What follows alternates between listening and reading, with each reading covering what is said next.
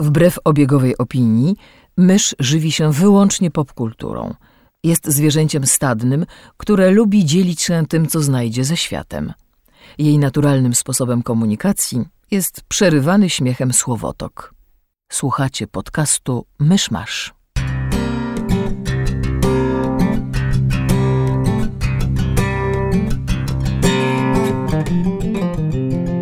Drodzy słuchacze, jest 14 stycznia 2019 roku, urodziny Marka Antoniusza.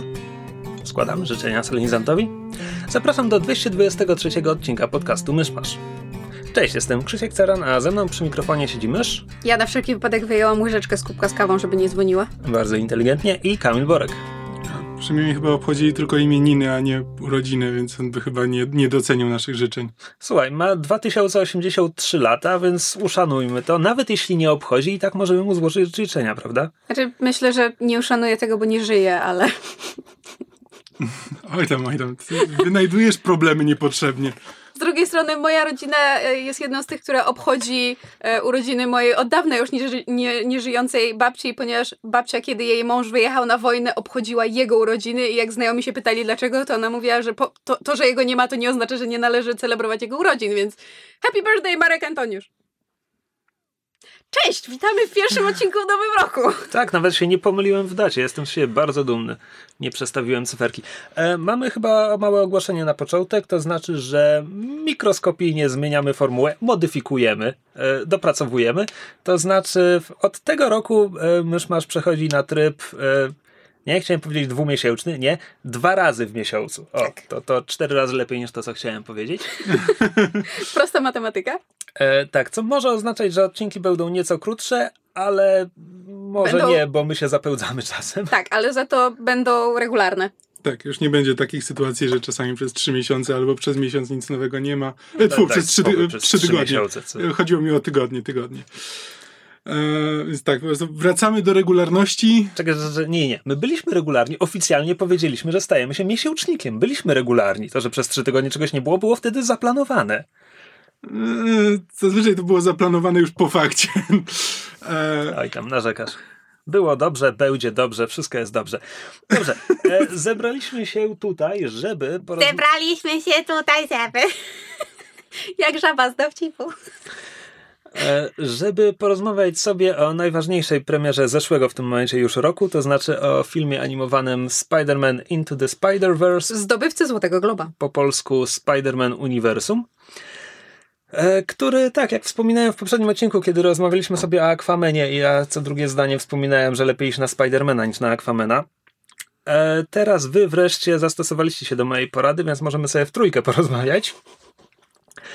E, I pewnie tradycyjnie podzielimy to na część bezspoilerową i spoilerową, aczkolwiek to jest film, e, tak spojrzałeś z podełba? Bo że nie ma sensu? Sobie, próbowałam sobie przypomnieć spoilery. Wiesz co, jest tam... Parę. Nie ma ich dużo, okay. ale są jakieś, jakieś sytuacje, które, które być może warto zachować w tajemnicy. Jeśli ktoś jeszcze nie widział, e, słuchajcie, jeśli słuchacie tego podcastu i jeszcze tego nie widzieliście, to przestańcie w tym momencie, pójdźcie do kina e, i dopiero wtedy słuchajcie dalej. E, tak, więc... E, ja pamiętam swoją historię z tym filmem. To znaczy, pamiętam, jak go zapowiedzieli, i ja miałem takie Spider-Verse? Naprawdę? Serio? I byłem tak strasznie, kompletnie niezainteresowany. Na zasadzie, że jakby animacje DC, jak DC je wypuszcza od razu na DVD i digital download, to jakby oglądam praktycznie wszystko, bo nie wiem, z przyzwyczajenia i w ogóle. A tutaj dowiedziałem się, że Sony robi animowanego Spidermana, usłyszałem koncert i miałem takie, chyba mi się nie chce. A potem pojawił się pierwszy teaser. I ten pierwszy teaser, on o fabule nie mówił prawie nic, choć już wtedy sugerował jakby ile pająków będzie i które dwa pająki będą głównymi bohaterami filmu. E, natomiast pokazywał animację. I to jakby od pierwszych scen jakby ja to, na to patrzę i nie wiedziałem co się dzieje, nie wiedziałem na co patrzę, bo ten film wygląda niesamowicie. A przypomnij mi, czy Pierwszy zwiastun praktycznie był bez dialogów, był z Milesem śmigającym po mieście, były ujęcia e, z pościgu, e, z, e, że skaczą dookoła taksówki mhm, i tak dalej. Ale przypomnij mi, czy ja teraz mieszam jakby wspomnienia, ale czy, czy myśmy nie mieli jakichś e, wątpliwości, tudzież e, wahań na temat jakby właśnie tego, jak to było zanimowane, czy, czy, czy tam też nie będzie tego, tej takiej modnej teraz metody brakujących klatek, że tak, to, to tak trochę skacze ta animacja, jest taka poszarpana. To znaczy, nie mieli był, było, tego... to, było to widać w tym zwiastunie i to jest w tym filmie. Tak, ale nie po prostu mam, mam niejasne wspomnienie tego, że, że, że myśmy na to narzekali i to chyba nawet w myszmaszu. Ja nie. Znaczy ludzie na to narzekali. Aha, nie wiem, czy okay. my w myszmaszu, okay. na pewno ludzie w internecie narzekali. E, ja nie miałem z tym problemów, ale ja nawet nie mam dużych problemów z tym, jak Dragon Prince wygląda, a on robi to dużo gorzej. Aha.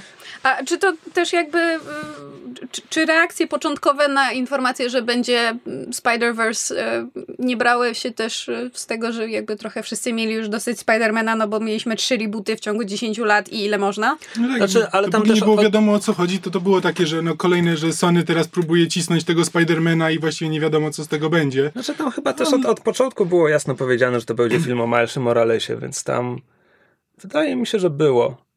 No, Wierzę na, na pewno w zwiastunie widać, znaczy, znaczy widać w jakim kostiumie jest pająk. Nieważne, w każdym razie ten pierwszy zwiastun był rok temu, jeśli nie, jeśli nie kawałek więcej. W każdym razie to był moment, od którego zacząłem się tym filmem bardzo interesować, a potem jeszcze kolejne zwiastuny tam sugerowały pewne rzeczy, więc ja, ja pamiętam, to już był jeden ze, ze zwiastunów, nie wiem, miesiąc, dwa miesiące przed premierą, gdzie widzimy konkretniej Petera, który będzie mentorem Milesa w tym filmie i ja miałem taki moment, że klatka po klatce sobie ten przesuwałem zwiastun, bo jest taka scena, gdzie on dramatycznie odrzuca kurtkę. Ja miałem takie, zaraz, czy, czy, czy jak on odrzuca tę kurtkę, to ma taki całkiem spory mięsień piwny lata? Co, co tu się dzieje? O co chodzi? Mm. E, no bo kwestia tego, że w tym filmie mentorem Milesa jest Peter Parker, który się trochę zapuścił, mm. to nie jest coś, co sprzedano w zwiastunach. Znaczy już potem, przed samym tuż przed premierą filmu nagle Sony zaczęło wy, wywalać na YouTube całe klipy z filmu i wtedy już miał jakby duży kontekst pod koniec, tak dalej. Pod koniec jednego z filmów był, Jezu, nie, nie, pamiętam, ale był cały ten fragment jakby... Po Venomie. Po, a po Venomie, właśnie, po Venomie był cały ten fragment jakby pogoni z pociągiem, e, więc tam już było dokładnie widać, że mamy do czynienia ze Spider-Hobą. E, jak, jak ten Peter B. Parker tutaj wygląda. Tak, no w każdym razie E, więc ostatecznie dostajemy film, który jeśli jeszcze nie widzieliście, jeśli nie zapauzowaliście podcastu i nie poszliście go obejrzeć, odkąd podcast się zaczął, to może op- opowiedzmy w skrócie, jak wygląda fabuła. No właśnie do tego zmierzałem, temu służyło to zdanie. E... Yes, I'm helping. A, okej, okay. E, dobrze. E, więc, mam, więc mamy świat, w którym istnieje Spider-Man, po czym coś się wydarza i on ginie. Ale zanim do tego dojdzie, to młody chłopak z Brooklynu, Miles Morales, pochodzący z e, mieszanej rodziny. Jego ojciec jest Afroamerykaninem, jego matka jest. E, Latynex. Tak. A zostaje ugryziony przez zmodyfikowanego pająka i zyskuje takie same moce jak, jak Spider-Man. A ponieważ funkcjonuje w świecie, w którym Spider-Man istnieje od paru lat, więc jest to dla niego wielkim zaskoczeniem, ale z drugiej strony od razu też ma wzór, jakby ma pomysł, co właściwie mu się wydarzyło i czemu, tylko nie bardzo wie, co z tym zrobić. Ma też wujka, którego bardzo kocha. Ma też wujka, którego bardziej, bardzo kocha. W tej roli w oryginale Mahershala Ali. A, I e, śmierć Spidermana wywiera na niego wielkie wrażenie. Wywiera na nim wielkie wrażenie. Częściowo trochę motywuje go do działania, ale on jest zagubiony, nie bardzo potrafi, nie bardzo mu to wychodzi. Zwłaszcza, że e, jakby chodzi do bardzo takiej. E, elitarnej szkoły. Tak, dziękuję. Elitarnej szkoły, gdzie jakby e, próbuje się odnaleźć. Jakby wiemy, że to, jest, że to jest mądry, łebski dzieciak, ale z jakiegoś powodu się nie przykłada do nauki. Chciałby tak naprawdę wrócić do swojej starej szkoły, jak, jakby po, znaczy, no tak, po sąsiedzku. Rodzice go wysyłają do szkoły, której nie zna, jakby gdzie nie ma przyjaciół. Tam pada bardzo konkretnie, że on, on jest w tej szkole dopiero od dwóch tygodni. Tak, no jakby wszyscy, widać, że wszyscy mają wobec e, Milesa jakby pewne, pewne oczekiwania. Można że... powiedzieć wielkie oczekiwania. Mm. No, umówmy się, film nie jest subtelny w tym, w tym względzie. Nie, nie.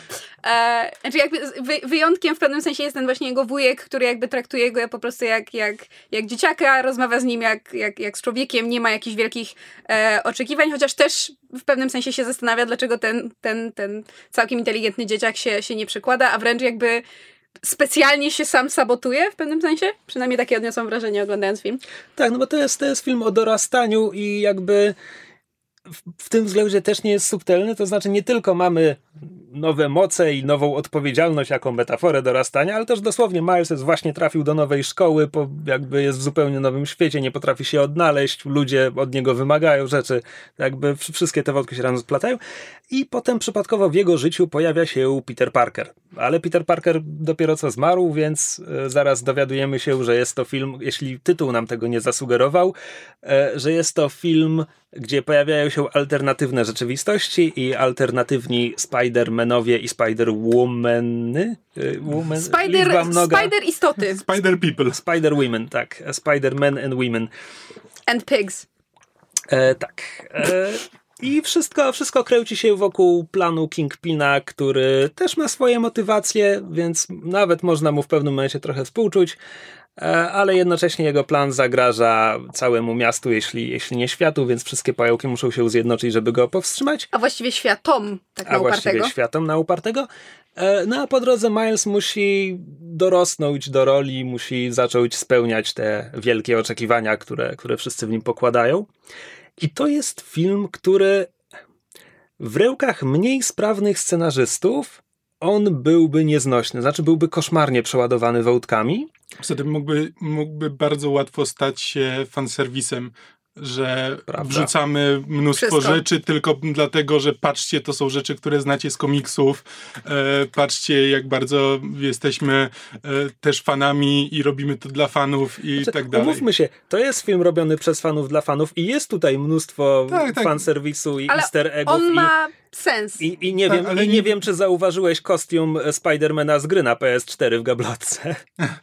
E, tak, tak, ale, ale nie, to nie przyćmiewa tego, że film stara się opowiedzieć historię przede wszystkim, a reszta to są smaczki, a nie na odwrót. Tak, bo, bo te, ten film jest bardzo konkretnie historią Milesa. W dość znacznie mniejszym stopniu jest historią jego mentora, czyli tego nieco zagubionego Petera Parkera, e, który ma pełen swój jakby ark, jak się po polsku mówi ark? Pewien, pełen swój wątek z, z rozpoczęciem, jakimś tam kryzysem w środku i, i, i finiszem. Łuk fabularny? Czy mamy no po prostu taką, bardzo. Taką, taki zwrot? Nie bardzo, nie bardzo. Może oszczep fabularny. Bumerang fabularny. E, natomiast, natomiast cała reszta postaci jest tutaj po to, żeby występować w historii Milesa, ale niekoniecznie dostaje własne e, historie. Spider-Woman, Spider-Gwen nominalnie coś tam ma, ale to jest bardzo, bardzo z boku i w sumie nieistotne, a reszta postaci prawie wszyscy poza ojcem Milesa i Peterem e, B. Parkerem, starszym Peterem, prawie cała reszta postaci egzystuje tylko w stosunku, w odniesieniu do Milesa. Jakby ojciec Milesa ma jeszcze relacje z nim, ma relacje ze swoim bratem, chociaż praktycznie nie ma wspólnych scen, ale mają historię, dowiadujemy się rzeczy jakby zarówno ze strony e, ojca Milesa, jak i ze strony wujka Milesa, więc tam, tam e, jest, jest ta historia, która zostaje rozegrana. Natomiast reszta postaci, która się przewija jest tutaj tylko po to, żeby spełniać jakąś rolę w historii Milesa, a historia Marsa faktycznie jest historią, to znaczy nawet jeśli niektóre postaci mają tutaj bardzo małe rulki, to ich pojawienie się tutaj wszystko ma sens, ich relacje z Milesem bardzo ładnie grają e, i tak, zanim powiem słowa historia Marsa po raz piąty, niech mnie ktoś powstrzyma. Znaczy, bardzo, bardzo jest fajne to, co mówisz, też pod tym względem, że z jednej strony mamy, mamy te właśnie e, postaci jakby e, poboczne, które uzupełniają historię Milesa, Milesa i ich właśnie arki, czy też ich wątki nie są bardzo rozbudowane, niekoniecznie właśnie mają ten ark. Widzicie, tu słowo wątek nie pasuje, bo ark sugeruje, że jakby zaczynamy z jakiegoś punktu i to wzrasta. Wątek jest bardzo linearnym jakby słowem, słowem mhm. jeśli to ma jakikolwiek sens, to co mówię. E, Pagórki fabularne. Tak, no dlatego powiedziałam łuki, zasugerowałam łuki. E, w każdym razie jakby te, te, te postaci poboczne nie mają takich wysoko zakreślonych łuków e, fabularnych, czy nawet w ogóle ich prawie nie mają, jakby pojawiają się, spełniają jakoś tam e, e, funkcje i potem znikają. A z drugiej strony to, co mi się strasznie w filmie spodobało, to jest to, że on w pewnym, w pewien sposób bawi się e, tym, ile razy można obejrzeć origin story bohatera, o którym wszyscy wszystko wiedzą, dlatego, że praktycznie każda e, spider-persona w tym filmie dostaje swój origin story streszczony na zasadzie, dobra, wszyscy znacie tę historię, ale... I jednak też na, jakby może nie mają, nie mają jakichś właśnie tych rozbudowanych historii, ale widzimy ich początek, środek, ten moment jakby spotkania z Milesem i to, jak oni się wpasowują w jego historię i dostajemy do każdego praktycznie takiego mini, mini wątku Spider-Persony dostajemy jakiś nawet jednoscenowy epilog, więc jakby twórcy z bardzo dużym szacunkiem podeszli właśnie do tych pojedynczych nitek fabularnych, które się składają na ten cały gobelin. Tak, e, przy tym, e, bo mówiłem, że będzie czegoś spoilerowa, bo jest tutaj kilka takich całkiem inteligentnie poprowadzonych, poprowadzonych niespodzianek. Nie, nie wszystkie można odgadnąć, moim zdaniem, na, na wstępie. E, no i jakby, więc, więc fabularnie to jest bardzo ładnie napisane. Jest tu mnóstwo wątków, ale ważne są dwa. One dostają dla siebie najwięcej miejsca i to wszystko gra. E, więc pod tym względem już jest super. Dalej, bardzo inteligentnym zabiegiem jest e, sam dobór postaci i sposób, w jaki zostały poprowadzone, bo to się mówi, że to jest film animowany dla całej rodziny, bo zasadniczo jest dla dzieci, ale, ale dorośli też coś sobie, o sobie dla siebie znajdą. Mówię ogólnie, jak się czasami mówi o dobrych filmach animowanych. Natomiast tutaj masz bardzo konkretnie. Dzieciaki pójdą dla Milesa, dorośli wszyscy jakby myślę, że się zakochają w postaci Petera B. Parkera, bo, no bo to jest jednocześnie, to jest opowieść o dorastaniu Milesa i to jakby spoko, a jednocześnie jest to opowieść o facecie pod czterdziestkę, który zagubił się w życiu i, i próbuje się odnaleźć i ten wątek też jest super, nawet jeśli jest mniej istotny, nie dostaje tyle miejsca, wciąż jest bardzo ładnie poprowadzony. Czyli jakby oba się bardzo ładnie ze sobą zgrywają i jakby odbijają, bo wątek, wątek Milesa to, to, to, to nie jest żaden spoiler, ale jakby to wszystko dąży do tego, że jakby Miles poza tym, że jest super bohaterem w takim tradycyjnym słowa, tego słowa znaczeniu, że ma supermoce i, e, i walczy z przestępcami, to film próbuje przy, morał tego filmu jest taki, że to, e, że to nie te supermoce czynią z niego superbohatera, a właśnie e, tylko to, kim on jest, a Peter B. Parker też próbuje znaleźć, nie to, że próbuje się odnaleźć w tym, jak być superbohaterem, bo on cały czas wie, nawet kiedy ma ten brzuch, to on, to on potrafi być superbohaterem, znaczy walczyć, e, walczyć z przestępcami, ale nie potrafi być po prostu zwykłym człowiekiem i zwykłym dobrym człowiekiem. Nie wiem, mam wrażenie, że to, jest, że to ma być taki że w, sumie, że w sumie jakby superbohaterstwo sprowadzone do takiego zwykłego ludzkiego aspektu, to ob, oboje, y, obaj bohaterowie jakoś do tego dochodzą na końcu. Znaczy jakby tak, cała, cała historia i właśnie to, jak, jak, jak pięknie zazębiają się wątki Milesa i Petera B. Parkera pod względem e, dorastania do pewnej odpowiedzialności, do pewnych ról, które należy, które, które są od nas e, oczekiwane czy wymagane. E, jakby e, też wiarę w to, że, że, że czasem się trzeba po prostu zaufać, że będzie dobrze, że wszystko się ułoży i, i, i dążyć do tego, mimo że bywa ciężko i że możemy wątpić w siebie i w swoje możliwości. Jakby to wszystko się bardzo pięknie zazębia i mam wrażenie, że echa tego widać też w, w paru jakby pobocznych tam postaciach tak, i wątkach. Tak. No, więc to jest, to jest kwestia fabularna, postaci, wszystko jest super. I do tego dochodzi jeszcze ta warstwa techniczna. To znaczy to, jak ten film wygląda ja wciąż nie do końca rozumiem w ogóle, jak on powstał. Ja wiem, że on jest mieszaniną technik. Ja, ja, ja, wiem, ja nie ogarniam rozumem to, tego to, filmu. To jest, to jest animacja komputerowa, do której dołożono właśnie tak, niektóre sceny mają ten efekt poklatkowy, ale niektóre są zdecydowanie płynniejsze, więc to jest, to jest też różnie. Do tego są nałożone jakieś rozmaite filtry, tam się dzieją rzeczy z kolorami, tam się dzieją czasami, czasami, żeby twoja uwaga koncentrowała się na konkretnej postaci w kadrze, cała reszta jest nie do końca rozmyta, ale dostaje takie cienie, tak jakbyś oglądała film trójwymiarowy bez okularów. Mhm. I, to, I to jest bardzo dziwne. E, czasami muszę powiedzieć, że tych efektów jest trochę za dużo i niektóre sceny, o ile nie koncentrujesz się bardzo konkretnie na tej postaci, która ona akurat jest ostra, to resztę kadru trochę trudno się ogląda dla mnie. Ale wiesz, e, znaczy jeszcze chciałem wrócić na chwilę do tych do tego skakania tych klatek, e, mhm. bo widziałem na Twitterze było e, był taki gif pokazujący w jaki sposób animatorzy wykorzystują to. To nie jest, że jeśli film jest no powiedzmy w 24 klatkach na sekundę, ale animowany jest w 12, to na przykład w scenie, w której Miles i Peter uciekają z, z laboratorium i widzimy jakby obie postaci, to Miles jest animowany na pierwszej, trzeciej, piątej i tak dalej klatce, a Peter na drugiej, czwartej, szóstej i tak dalej. Że mimo, że są jakby, hmm. e, mimo, że są wykorzystywane tylko co druga klatka, to w każdej klatce coś się zmienia. E... Może dlatego to działa lepiej niż Dragon Bardzo Prince. możliwe, bardzo możliwe. Um, do, do tego dochodzi jeszcze mnóstwo rzeczy, to znaczy tam, tam były też dodatki, e, znaczy cudzysłowie może, ale, ale reuczne, że tam autentycznie artyści jeszcze Dobra, tu, tu, wracamy do tego, że ja nie do końca rozumiem, jak, jak to wszystko działa, ale um, no nie wiem, na przykład postaci, postaci są modelowane komputerowo i tak dalej, jasne, ale jednocześnie te modele, one mają na twarzach dosłownie narysowane rysy.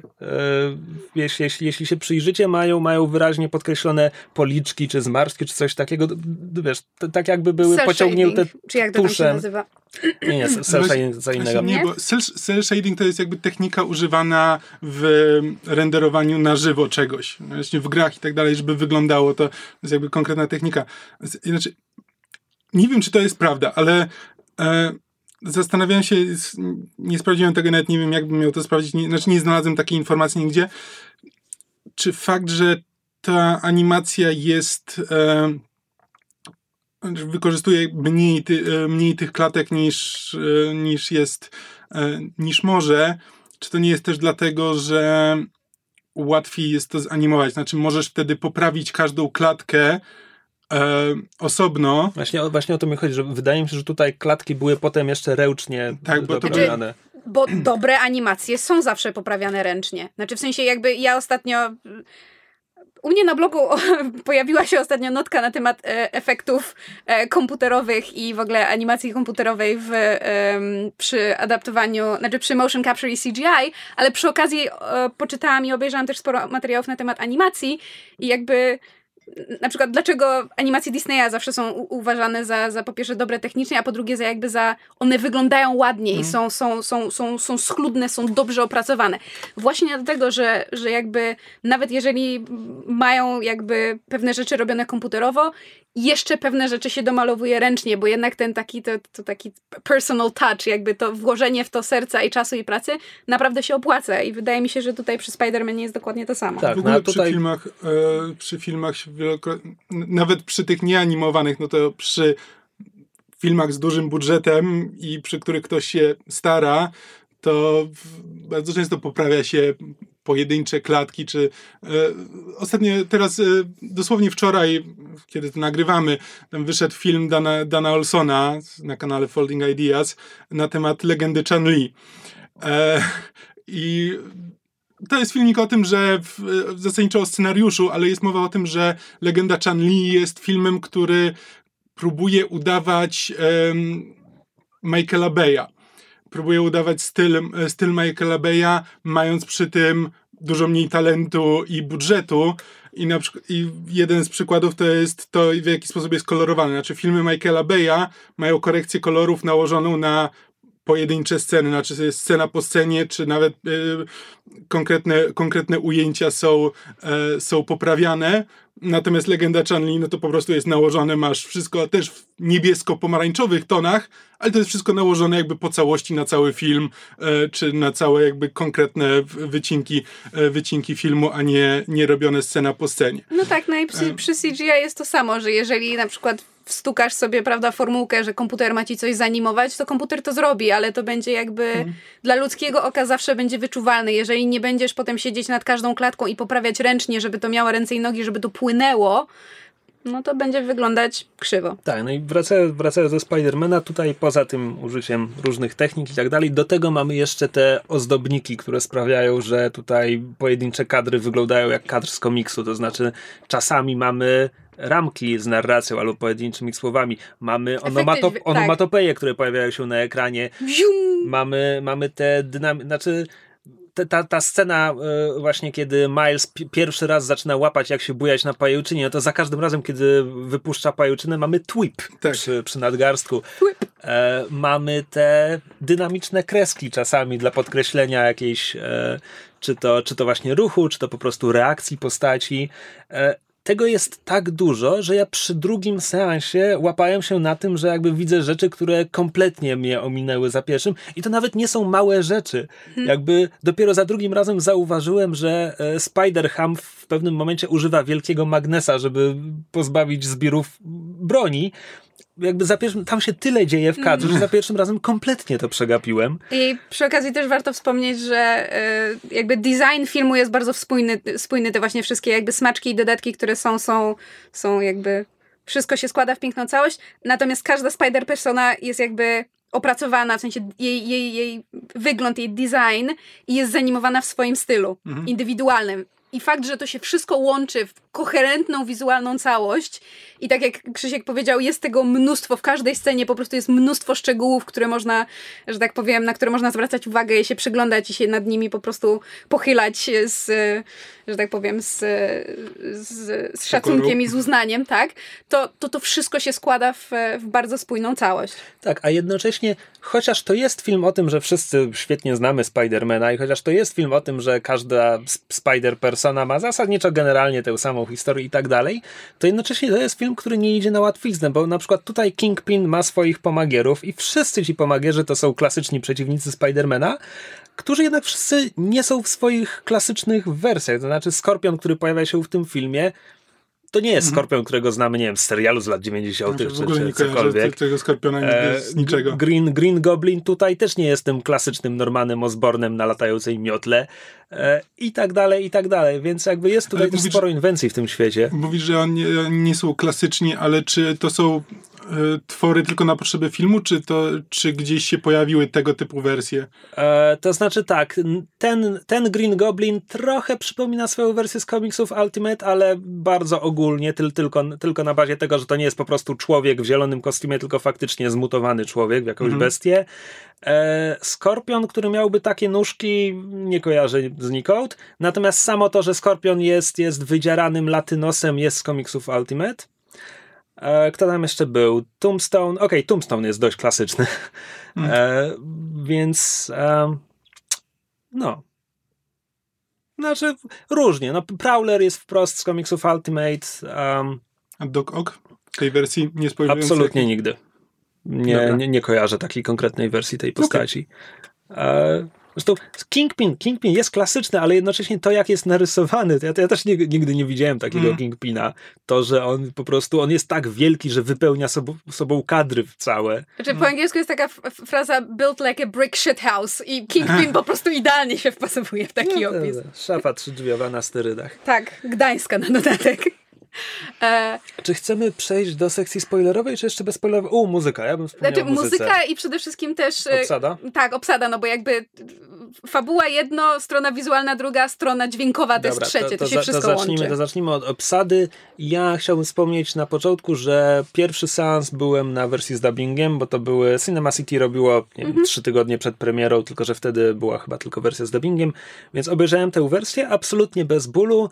Tłumaczenie było spoko, bardzo ciekawym zabiegiem było to, że żeby oddać naturalistyczny styl dialogów, dialogi w polskiej wersji są nie do końca gramatycznie poprawne, w sensie tam są takie dość dziwne konstrukcje zdań, ale absolutnie wiarygodne jako coś, co ktoś powiedziałby, kiedy nie ma czasu się zastanowić nad tym, co mówi. Nie wiem, czy to nie jest w tym momencie standard. Ma, mało jest... oglądam dubbingowanych znaczy, animacji. Znaczy, ja tam po prostu parę razy miałem do czynienia, ja też nie oglądam, ale parę razy miałem do czynienia z E, że tak powiem, w pracy z e, dubbingami zrobionymi przez kogoś innego i wielokrotnie, wielokrotnie zauważam, że głównie chyba dla zachowania jakby kłapów, żeby się zgadzały, no to trzeba kombinować z tymi konstrukcjami. Bardzo często one są wykrzywiane, także no one są prawidłowe, ale musisz ale no ponieważ angielski jest bardziej zwięzły, no to musisz to też, e, nie możesz mówić pełnymi gramatycznymi tak, zdaniami. Tylko, ale znaczy, w, zeszłym, tym... w zeszłym roku widziałem dwie animacje z polskim dubbingiem i Nie ma mocnych i Spidermana mhm. i o ile w obu właśnie słyszałem te zdania z nie do końca poprawną mhm. gramatycznie konstrukcją, to w Nie ma mocnych brzmiały mi sztucznie, w Spidermanie okay. nie.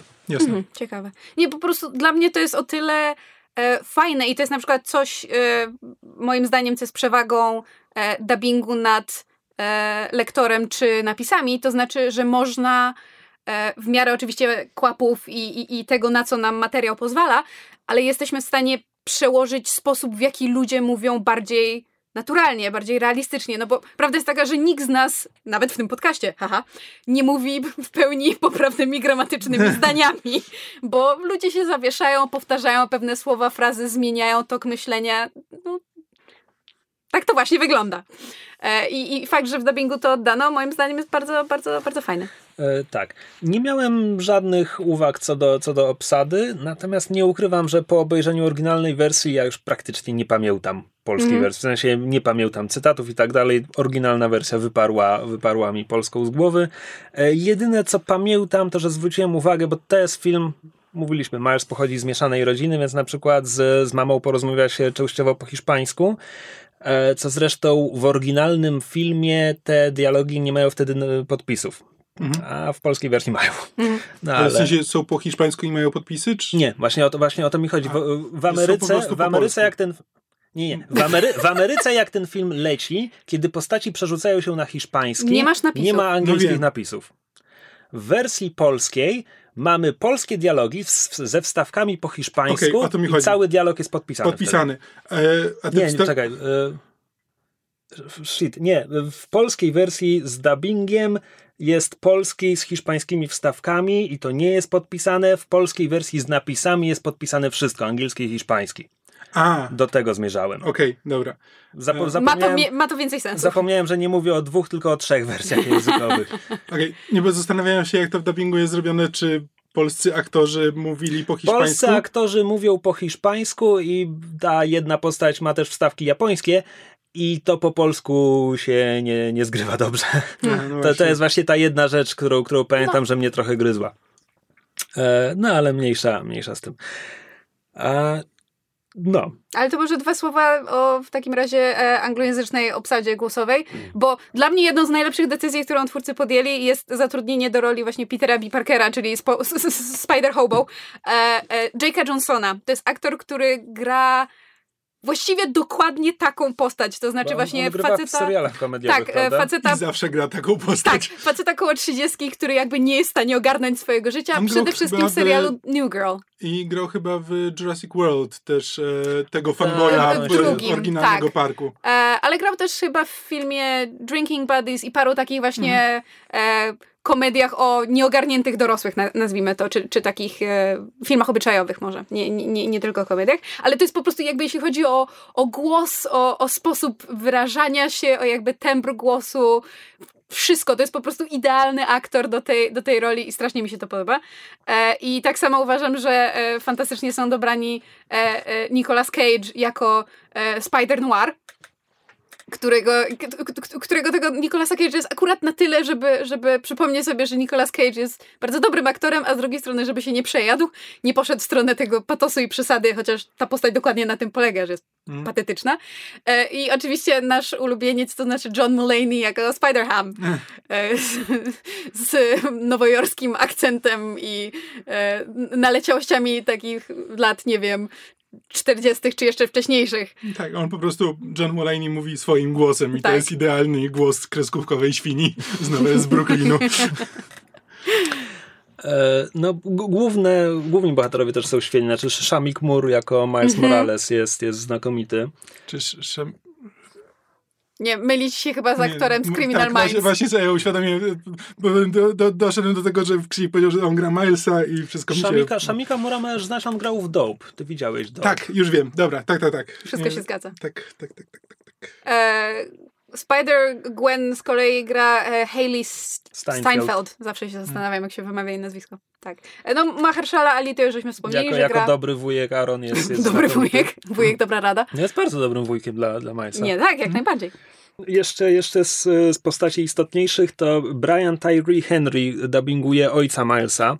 I to też jest jedna z moich ulubionych ról w tym filmie. On jest świetny. Hmm. Jakby ta, ta znana ze zwiastunów scena z pożegnaniem pod szkołą, przecież to jest rewelacja. Powiedz kocham cię. Tato! No powiedz to. Kocham cię. Kopi.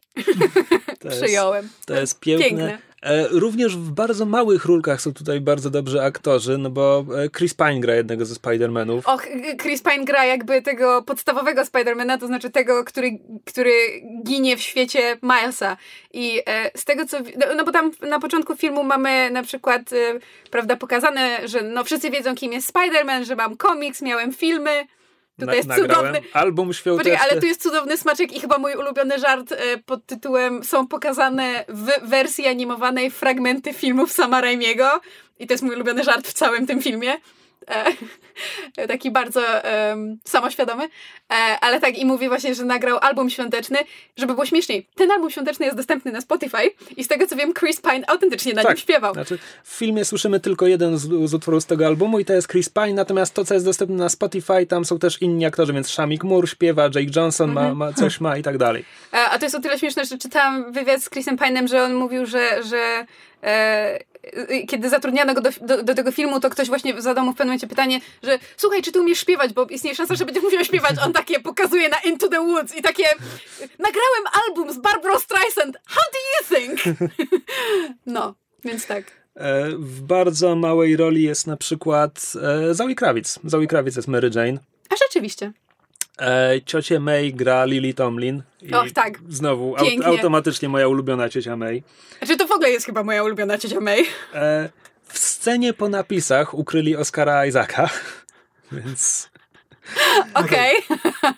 E, tak, więc po prostu ten film ma świetną obsadę i myślę, że wszyscy się dobrze bawili. A, no i e, znowu z automatu, po prostu ty, tyle, tyle ról, wersji postaci i tak dalej z automatu sta, stało się moimi ulubionymi. Ten film zawiera moje ulubione cameo Stanali, mhm. bo, bo nie dość, że jest piękne jakby ogólnie, to jeszcze on gra tutaj takiego trochę szemranego sprzedawcę kanciarza i to jest jakby to tak bardzo ładnie podsumowuje Stanali w pewien sposób. No, to prawda. E, I chcieliśmy też dwa słowa powiedzieć o muzyce. E, tak, bo muzyka tak. E, Ścieżka dźwiękowa wykorzystuje wiele istniejących utworów, plus do tego ten, ten e, Sunflower, Swanley i tak dalej. To po, Post Malone. Post tak. Malone to jest nagrane specjalnie na, na potrzeby I filmu. I to rzeczywiście jest strasznie chwytliwy kawałek. Bardzo, bardzo chwytliwy kawałek.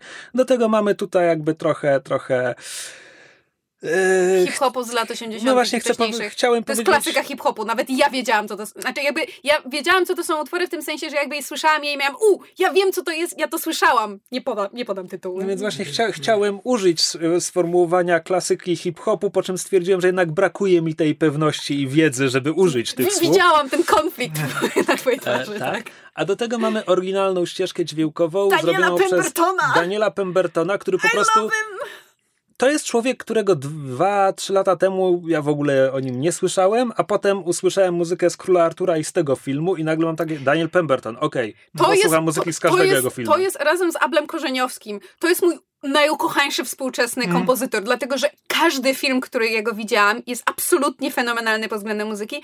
Pierwszy raz go e, usłyszałam jego e, muzykę przy okazji The Man from Uncle, mm. też jednego z moich ukochanych filmów ostatnich A to też lat. był on? Tak, okay. tak. E, jednym z pierwszych, z pierwszych filmów, y, y, który y, jakby za, po którym zrobiło się o nim głośno jako kompozytorze, to był Steve Jobs.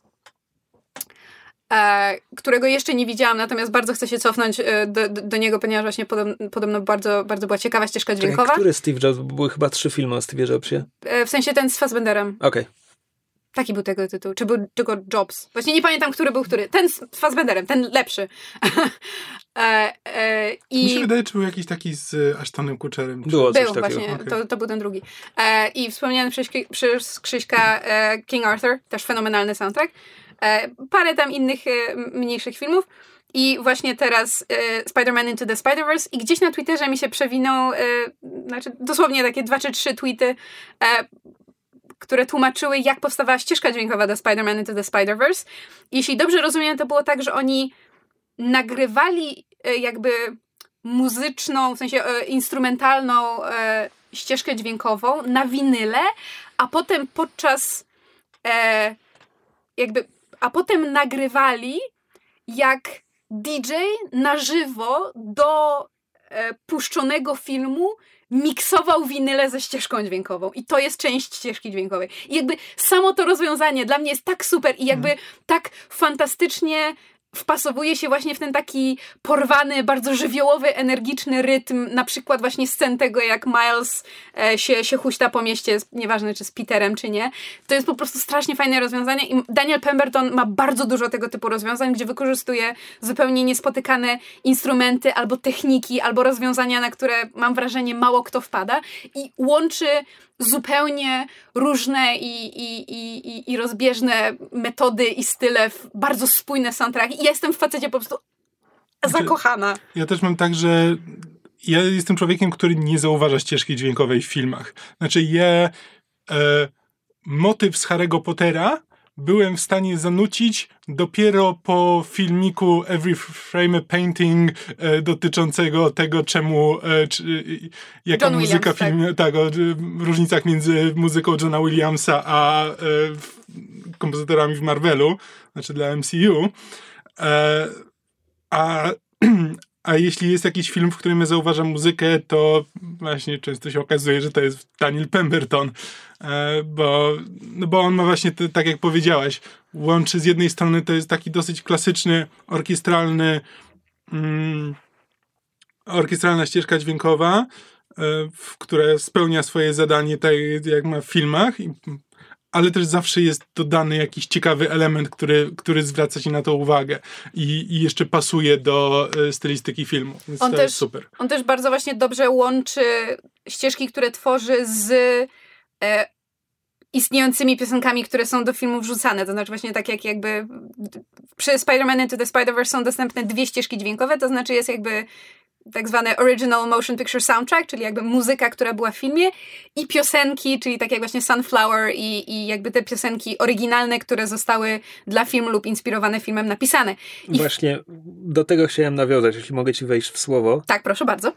Bo mówiłem, że Sony wrzuciło na YouTube'a po prostu setki klipów z tego filmu. Jednym z nich jest film, jeśli nie widzieliście tego filmu, nie, mówię o Spider-Man Into the Spider-Verse, nie oglądajcie tego klipu zanim nie obejrzycie filmu, bo to jednak trzeba zobaczyć na wielkim ekranie. Ale jeśli już widzieliście film i chcecie sobie, tak jak ja, przypominać go e, parę razy dziennie przez następny tydzień albo dwa, to Sony oficjalnie wrzuciło na YouTube klip pod tytułem Miles Morales Becomes Spider-Man i to, są, to jest dwuminutowy fragment filmu, kiedy Miles w końcu dorasta do roli i pierwszy raz śmiga już jakby, już mu to wreszcie wychodzi. I tutaj jest właśnie ta oryginalna ścieżka muzyczna, która wspomaga i po prostu zamienia utwór Was Up Danger w coś niesamowitego, czego ja mogę słuchać na okrągło. To jest właśnie Daniel Pemberton, I love it guy! I więc, więc w ogóle, w ogóle to, to jakie Spider-Verse jest dobre, polega na tym, ile scen można wyjąć z kontekstu i po prostu pokazywać jako coś niesamowitego. Jakby pożegnanie pod szkołą, jakby ono było w zwiastunie właśnie mm. dlatego, że działa po prostu, nie musisz wiedzieć nic o filmie, żeby ta scena była piękna. Ten klip, Miles Morales Become, Spy Become Spider-Man, to jest piękne. Nie nazwę tego teledyskiem, bo to jest coś więcej. To masz tam całą historię, zwłaszcza, że jest to posiekane flashbackami, więc jeszcze dają ci kontekst, ale możesz to obejrzeć nie znając filmu i jakby dokładnie wiesz o co chodzi. Mhm. A po prostu to, jak muzyka zgrywa się tam z obrazem, to jest niesamowite. Ja przepraszam, ja się jaram za każdym razem, jak, jak gdzieś mogę mówić o Danielu Pembertonie. E, z cyklu anegdot w rodzaju e, Kot przebiegający po fortepianie zainspirował główny temat muzyczny z Archiwum X. E, leitmotiv Prowlera albo dosłownie ryczy słoniem, albo jest zainspirowany rykiem słonia. Nie do końca wiem. Być może to jest zmiksowany ryk słonia, a może tylko e, podobny. Jestem w stanie w to uwierzyć. Ale on jest tak krypny. Mm. jak się tylko pojawia ten motyw, to to buczenie, nie będę próbował go naśladować, bo nie umiem, ale, ale, ale, to autentycznie robi wrażenie za każdym razem. Jak zobaczyłem Prowlera pierwszy raz w zwiastunie, to sobie pomyślałem, że kurczę, on w sumie ma kontur sylwetki trochę jak Black Panther i czy ludzie nie pomyślą, że w tym filmie jest Black Panther, a dopiero potem musiałem sobie przypomnieć, że filmowy Black Panther nie ma peleryny, więc w ogóle jest słabszym Black Pantherem. A bo ja miałam I... skojarzenie, jak na niego patrzyłam ze Spawnem. Dobrze mówię, jest taka postać komiksowa, no, Spawn. Spawn, tak. Okay. Todd McFarlane, głębokie lata 90. Bo, bo dla mnie to jakby, znaczy z drugiej strony ja nie znam Spawna, w sensie jakby widziałam parę rysunków, ale jakby sylwetka co, i design to, to, to kwestia, bardzo... To chyba to głównie kwestia tego, że jest peleryna, kołnierz, tak. E, plus jeszcze te wielkie białe oczy na, na ciemnym tym, mhm. na ciemnej masce. E... Czy on też tak? Właśnie, bo ja tam Prowlera, e, bo Prowlera kojarzyłem przed filmem tylko i wyłącznie dlatego, że Marvel Puzzle Quest zaczęło go e, reklamować, pojawił się, pojawił się jako nowa postać i on bardzo przypominał Deadpoola z kolei w e, ten... No i nie, no to już to już wiesz, Deadpool bardziej przypomina Spidermana niż Prowler Deadpoola. Mm, okay. Znaczy umówmy się, Deadpool przypomina Spider, Spidermana, bo Rob Liefeld zżynał Okej, okay, dobra, to jest dziwne. Okej, okay, faktycznie pokazałem, Deadpool. Pokazałem, pokazałem Krzyśkowi jakby zdjęcie, o które, o który kostium mi chodzi. Um. Przy czym e, pragnę, pragnę tutaj zaznaczyć, że Prowler pojawił się w komiksach w 69, kiedy hmm. Todd McFarlane nie marzył jeszcze o Spawnie. Jasne. E, no i postać oczywiście miała tam ileś, ileś wersji, e, też w różnych uniwersach i tak dalej, i tak dalej, i tak dalej. Um, ja sobie przypomniałem dopiero, dopiero doczytując rzeczy o postaciach z filmu i tak dalej, że my możemy znać Prowlera, a przynajmniej ledwo, ledwo kojarzyć, ponieważ on był w serialu o, o Spider-Manie z lat 90., dosłownie w jednym odcinku chyba. Huh. Ale ta postać się tam przewinęła. Znaczy, właśnie te, te, ty nawet powiedziałeś, że to, jest, że to jest mnóstwo takich klasycznych postaci. Ja Prowlera w ogóle nie kojarzyłem z, przed co? Into the Spider-Verse. On, on jest istotny w świecie Ultimate, mhm. natomiast, natomiast ta oryginalna wersja, ja chyba w życiu nie czytałem komiksu, gdzie, gdzie jest ta najbardziej oryginalna wersja Prowlera i szczerze mówiąc nie wiem, czy ta postać była często wykorzystywana nawet w tych latach 70. Przepraszam, ale właśnie sobie przypomniałam, jaki był jeszcze jeden film w zeszłym roku, w którym Daniel Pemberton robił ścieżkę dźwiękową, która bardzo mi się podobała i chyba nawet o tym mówiłam w podcaście Ocean's 8 gdzie on Aha. połączył, właśnie też łączył e, swoją ścieżkę dźwiękową z istniejącymi utworami, hmm. e, jakby z muzyką klasyczną, która jest w public domain. E, posłuchajcie soundtracku z Ocean's 8. Czy, Spider, e, czy Ultimate Spider-Man komiksy są na Marvel Now? Tak się nazywa ta ich, ta ich nie, aplikacja? Nie, nie, nie. E, myślisz o Comixology chyba. Nie, Marvel Unlimited. Unlimited. Marvel Unlimited. E, tak, tak, jest, jest tego dużo, natomiast Marvel Unlimited ma chyba, w stosunku do tego, co się ukazuje na bieżąco w druku, to chyba mija jakieś pół roku, zanim to się pojawi na Marvel Unlimited. E, kiedyś, dawno, dawno, dawno temu, w zamieszłych czasach, jakby czytałem e, z, z Ultimate Spidermana e, te jakby pierwsze, e, pierwsze części e, Bendisa, E, to jest wszystko Bendisa. To jest jakby Ultimate... On to, on to potem ciągnął do, do samego on, końca? On to ciągnął przez 200 zeszytów Aha, chyba. mi się zdawało, że tam się potem coś zmieniło. E, zmieniali się rysownicy. Po stu kilkunastu zeszytach e, Mark Bagley został zastąpiony przez tam kilku kolejnych rysowników. E, tak, no bo Miles Morales jest postacią stworzoną przez Briana Bendisa. E, przepraszam, muszę zacytować komentarz z internetu, który ostatnio zobaczyłem, gdzie właśnie ktoś pisał o, o Spider-Verse na zasadzie, że e, Jestem bardzo wdzięczny Brianowi Bendisowi za stworzenie um, za stworzenie Jezus Maria, pierwsze imię postaci wyleciało mi z głowy. Milesa? Miles, za stworzenie Milesa Moralesa. I jestem bardzo wdzięczny scenarzystom tego filmu za pokazanie nam, jaka to jest fajna postać, kiedy nie pisze jej Brian Bendis. Co jest, co jest bardzo wredne, ale Brian Bendis jest scenarzystą, który ma, ma wzloty i upadki i są rzeczy, przy których sprawdza się lepiej i przy których sprawdza się gorzej. Więc on... ja, ja bardzo lubiłem te, te początkowe, te, ten początek tego Ultimate Spider-Man, znaczy początek, ja tam z 60 przynajmniej e, albumów przeczytałem. E, i bardzo mi się podobało i zarówno po filmie, jak i teraz, kiedy o tym rozmawiamy, nawraca mi ochota, żeby do tego wrócić i sprawdzić. Znaczy tak, nie, e, żeby się nie wdawać w długie dygresje, nie będę mówił o żadnym innym komiksie Bra Briana Bendisa, natomiast jego, e, on pisał Ultimate Spidermana, chcę powiedzieć, Jezus Maria, on go przestał pisać dopiero w zeszłym roku, a zaczął w 2000 albo 2001. Mhm. Więc to jest cała historia postaci Ultimate Spider-Man. Świat Ultimate był osobnym światem. Początkowo była w ogóle mowa, że to jest kompletnie inny wszechświat. Nigdy nie spotka jakby, no bo w komiksach często mamy alternatywne światy i tak dalej, więc początkowo długo zapewniano, że nigdy nie będziemy krzyżować komiksów Ultimate z głównymi. 10 lat później jakby to wszystko poszło w zapomnienie i te postaci zaczęły się spotykać, ale nieważne. Bardzo długo ten świat faktycznie był kompletnie osobny. E, I to była taka idea, żeby no, zaczyna się XXI wiek, to co będziemy sprzedawać dzieciakom postać, którą wymyślono w latach 60., musimy im ją sprzedać na nowo, tak współcześnie. Więc świat Ultimate był, że tak powiem, agresywnie uwspółcześniony. Mm. I prezentował nam właśnie Petera Parkera, który zostaje ugryziony przez pająka w wieku lat 15 w roku pańskim 2000 e, i pokazywał nam jego historię przez kolejnych sto kilkadziesiąt zeszytów, nie pamiętam dokładnie.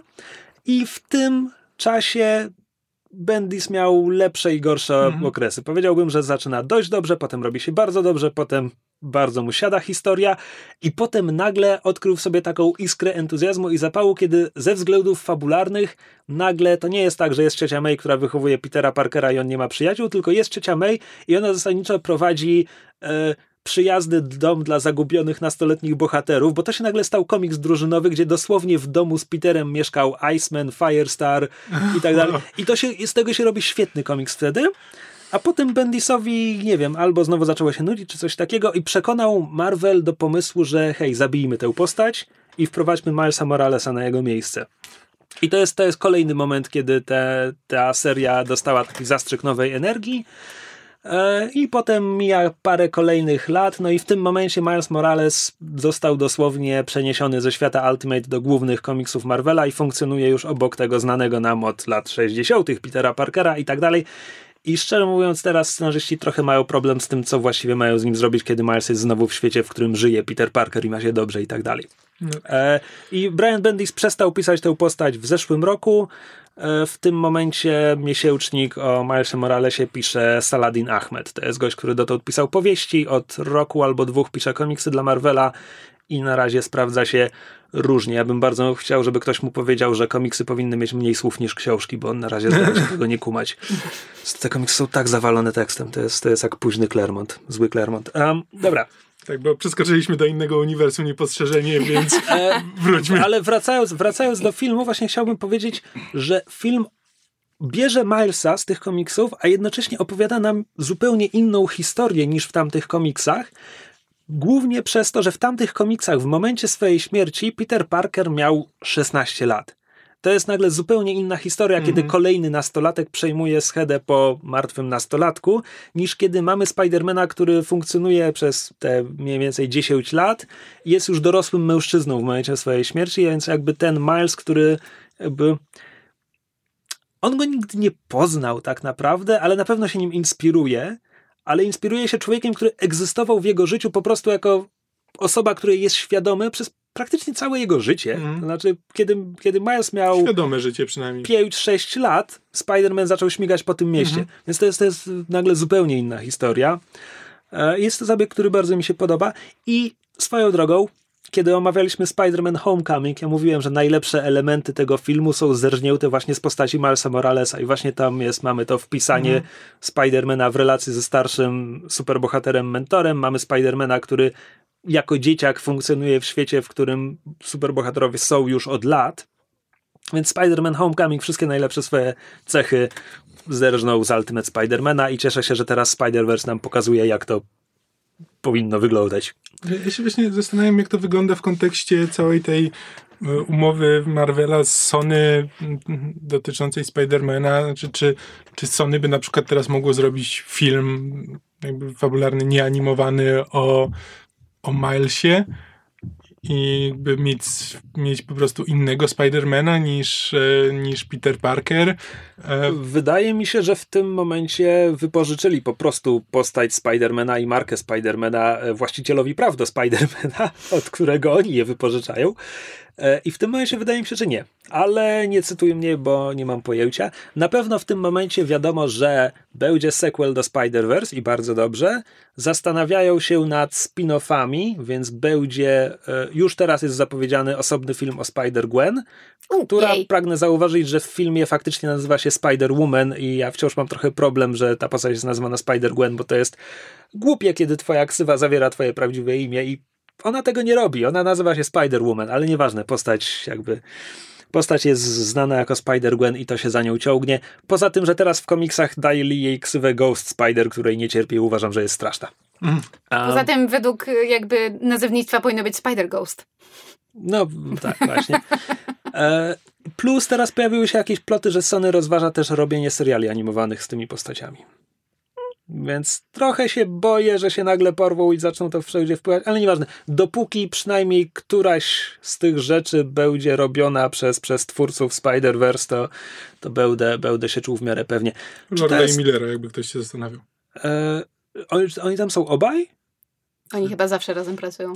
Znaczy, tam w napisach jest jakoś tak, że tylko Lord jest e, w, jako, jako scenarzysta chyba Jako scenarzysta czy no coś, ale oni nawet w tym, e, w napisach zauważyłem była w tam już w głębokich napisach, gdzie są wymieniani asystenci, to jest asystentka panów, panów Lorda i Millera. A, okej, okay, e, dobra. Więc mają, mają nawet wspólną asystentkę, więc muszą współpracować wciąż. Aha, bo, no bo to polega na tym, że oni byli scenarzystami, natomiast reżyserem tego filmu jest trzech ludzi i żaden z nich nie jest Lordem ani Millerem. No tak. Więc tam... E, sekcja spoilerowa? Tak. Tak, więc teraz zrobimy sobie drobną przerwę e, i posłuchamy prawdopodobnie kogoś innego z podsłuchane.pl, a potem pogadamy sobie o spoilerach. Świetnie. Tymczasem ja bym się chciał dowiedzieć, co u Supermana. Superman lata sobie w kosmosie i rozwala jakąś asteroidę i myśli sobie, o Boże, mogę wreszcie zrobić coś relaksującego, rozwalić jakąś asteroidę. I rozbije ten jeden asteroid i orientuje się, że w środku jest jakiś super magiczny kryształ, który jest w stanie przywracać ludziom wspomnienia czy coś i mówi sobie, o kurwa, to się przyda mi. Ehm, tak, więc y, w podcaście Comics Weekly, najpopularniejszym w Polsce o tej tematyce, dostaniecie regularnie właśnie takie i też nieco bardziej merytoryczne relacje oraz informacje odnośnie tego, co aktualnie dzieje się w komiksach Marvela i DC. Co warto czytać na bieżąco, na co warto czekać, aż pojawi się w Polsce, a które komiksy... To ja chciałem o drugim takim komiksie powiedzieć, mianowicie Doomsday Clock 8. O kur... Ja nie no. wiem, czemu ja to czytam. Ja też nie wiem, jakiś, nie wiem syndrom sztokholmski. No właśnie. Na start posłuchaj może naszej dyskusji o Stanieli w odcinku trzecim ostatniego sezonu, albo sprawdź odcinek szósty, gdzie omawiamy propozycje z Marvela na rynek polski. Do usłyszenia. No hej wam. Hej wszystkim. Ja się nie żegnam, bo znowu coś spieprzę. Witamy po naszej krótkiej przerwie reklamowej. E, czyli spoilerowa. E, moim zdaniem to jest film z na tyle prostą fabułą, że nie ma tutaj bardzo wielu rzeczy, które trzeba by ukrywać przed słuchaczami, którzy mogli jeszcze nie obejrzeć filmu. Jeśli jeszcze nie widzieliście tego filmu, wiem gdzie mieszkacie. E, Wiemy, gdzie mieszkają wszyscy nasi okay. słuchacze. Tak działa internet, tak działa no, geolokalizacja. Mamy bardzo ogólne informacje. Wiemy na przykład, ile osób w Mongolii pobiera ten podcast. E, w każdym razie. Podejrzewam, że wiemy, ile osób pobiera to przez VPN po prostu. E, skąd wiesz? Może jest jakiś Mongol, który właśnie wypasa swoje stado i, I uczy nudzi się mu się. polskiego. Właśnie. Znaczy, jak, jak będą, e, będą robić najazd na Polskę, no to muszą... Wow. Znaczy, ja wiem, że historycznie było parę, no, ale znaczy, tak, no cofamy się dość daleko. Wyszło, miało być historycznie, wyszło rasistowsko. E, zostawmy to w spokoju i chodźmy dalej. E, tak, więc to jest film, który ma na tyle prostą konstrukcję, że nie ma tutaj wielu niespodzianek. Za jedną z najlepszych uważam e, ten gender band e, Doktor Octopusa, bo ja się kompletnie tego nie spodziewałem. Kompletnie mm. się nie spodziewałem, że dość e, maniakalnie entuzjastyczna pani naukowiec okaże się tutejszą wersją e, doktora Octopusa. E, co uważam za świetny zabieg, zwłaszcza, że tak jak Kamil mnie podpytywał, wydaje mi się, że jest kompletnie oryginalny. Znaczy w komiksach była w pewnym momencie jakaś Lady Octopus, ale to była jakby osobna postać, która się inspirowała doktorem Octopusem, coś tam, coś tam, coś tam. Zwłaszcza, że mam wrażenie, y, iż tego typu y, postaci właśnie jakby że, pa, pani naukowiec, właśnie takiej bardzo entuzjastycznej i wydaje się naiwnej, takiej głupiutkiej, to są zazwyczaj postacie w tego typu filmach, które główny zły, który też pracuje w tym laboratorium, ją manipuluje i ona na koniec ginie, albo się okazuje właśnie, że ona się w nim kochała i, i, i mu pomagała, a potem się okazuje, że on był zły i ona jest taka sobą i całym ale, światem zawiedziona, a, a, to nie jest to. Ale to jest dokładnie to, na czym gra film, bo jakby z, z, zaczyna, zaczyna od tego, że oto jest jakaś paniusia, która, yy, która leci na Spider, znaczy widzi, widzi Spidermana i natychmiast zaczyna go wypytywać i o mój Boże, to jest Spiderman, a tak naprawdę to jest wszystko gra yy, i ona dokładnie, dokładnie wie, z czym ma do czynienia. Tak, więc drugą, y, trochę podobną niespodzianką jest tożsamość Prowlera. Tylko, że to jest po prostu historia Milesa z komiksów Ultimate, więc jakby ja dokładnie wiedziałem, mhm. gdzie to zmierza. Teraz pytanie, czy wy byście byliście choć trochę zaskoczeni? Nie, znaczy ja jakby wiedziałam z tego względu, że e, ponieważ dość szybko zauważyłam, że to jest inteligentnie skonstruowany film i widziałam, jak silną i pozytywną relację Miles ma z wujkiem, a z drugiej strony jak w miarę subtelnie film sugeruje, że między, między ojcem Milesa a jego bratem, czyli właśnie wujkiem, jest jakiś konflikt i wiemy, że ten wujek coś musi robić poza kadrem. Nie do końca wiemy co, a z drugiej strony wiemy po tym, że na przykład, prawda, e, łamie z Milesem prawo, no bo prawda, zabiera go tam w, w podziemia e, metra, żeby móc e, ten, o, otagować ścianę, więc jakby nie ma nic przeciwko łamaniu prawa. Film bardzo umiejętnie sugeruje, że w tej postaci kryje się coś więcej. Znaczy, tak, nie, nie, mm, nie byłem pewien, czy to jest prawda, że wrócę jeszcze do, do tego e, później, ale e, wiedziałem, że musi być jakiś tutaj twist, no bo jakby wiemy, że jest konflikt między nim a ojcem, który w tym momencie jest niewyjaśniony. E, widzimy mieszkanie wujka, które jest fancy. Tak, jakby ładnie urządzone, więc coś, coś musi robić. E, I nigdy nie mamy powiedziane co, e, a przy tym mamy, pokazane, mamy go pokazanego jako bardzo porządnego, e, to nawet nie to, że jakby równego gościa, takiego na zasadzie, że jest fajny, jest dobrym przyjacielem Milesa, ale może ma na niego zły wpływ, tylko autentycznie ma na niego mamy go pokazanego jako pozytywny, pozytywną rolę w jego życiu odgrywa, więc coś musi tam się, e, musi się kryć dalej.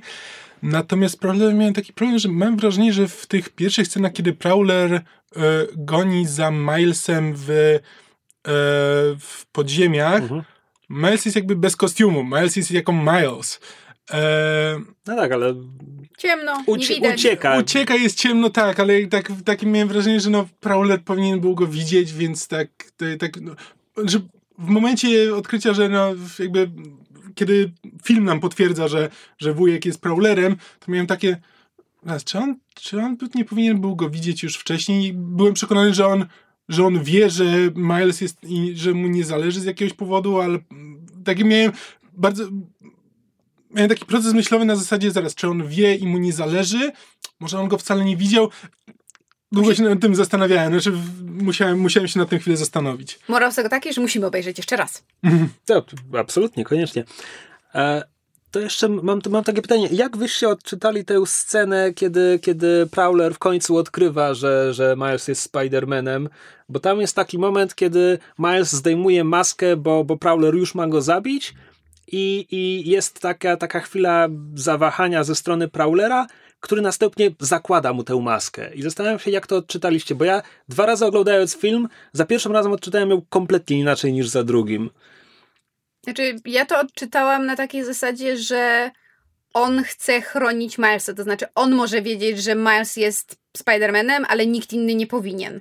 Tak, a z, z drugiej strony można to odczytać jako na zasadzie nie chcę patrzeć na mojego e, bratanka, kiedy będę go zabijał. Właśnie, kiedy za pierwszym razem oglądałem ten film, mi się wydawało, że, że to jest e, to, co właśnie Kamil Ani powiedział. Ani razu mi to nie przyszło do głowy. Za drugim razem jakby wiedziałem, co się będzie wydarzyć, mogłem się skupić na tym, jak jest pokazany w tym momencie Aaron i tak dalej. I nie, nie, to, to jest to, o czym ty, Czy, Myszu, mówisz. A, a, tak, a ja, ja, tylko mówię to jako dodatkowe, też się na tym chwilę zastanawiałem później, ale w, pierwszej, w pierwszym odruchu odczytałem tę scenę tak, jak mysz mówi. E, a dodatkowo wydaje mi się, że w tym można też wyczytać jakby taki, e, taki element pod tytułem jakby bądź tym bohaterem. Miasto potrzebuje tego bohatera, nie zdejmuj tej maski, nie stawaj się tym chłopcem, tylko właśnie bądź tym bohaterem, miasto go potrzebuje, ja wiem, że ja robię źle, pomóż mi się z tego wydostać. Ja wiem, że to już jest pewnie nadinterpretacja, ale moim zdaniem można to w pewnym sensie tak to Można, moim zdaniem on to po prostu nie chce, żeby ktoś tak. jakby w tym momencie w tej walce uczestniczy kilku jego y, znajomych złych, więc y, po prostu nie chce, żeby ktoś go zobaczył w tym momencie, więc y, Bad raczej friends. tak We all have them. tak. Tak, e, to już, to już jest mikrospoiler, ale wciąż e, jest interesujący twist e, co do tego, jak jest zaprezentowana ciocia May, która w tym świecie ewidentnie była trochę cute dla Spidermana. Moja ulubiona I, ciocia May. Ma, ma jakiś... Ma, na, na pewno jest inżynierem i tak dalej, potrafi pracować te gadżety. Plus w momencie, kiedy wszyscy źli wparowują do jej domu, ona jako jedyna mówi do, do Doc Ock per leave podczas gdy sam, sama pani Oliwia wcześniej mówiła, że przyjaciele nazywają mnie Liv, więc tam można, można z tego coś odczytać, że ha. cholera wie, może ciocia May pracowała w tym Alchemaxie z nią, trudno Ciekawe. powiedzieć. Nie a, a, może, a może po prostu jej, jej e, siostrzeniec, bratanek, e, Jaka jest ich relacja? Zawsze zapominam. A może po prostu Peter jakby tyle razy już, już walczył z Doc Ock, że, że ciocia May po prostu ją tak trochę olewa. Tak?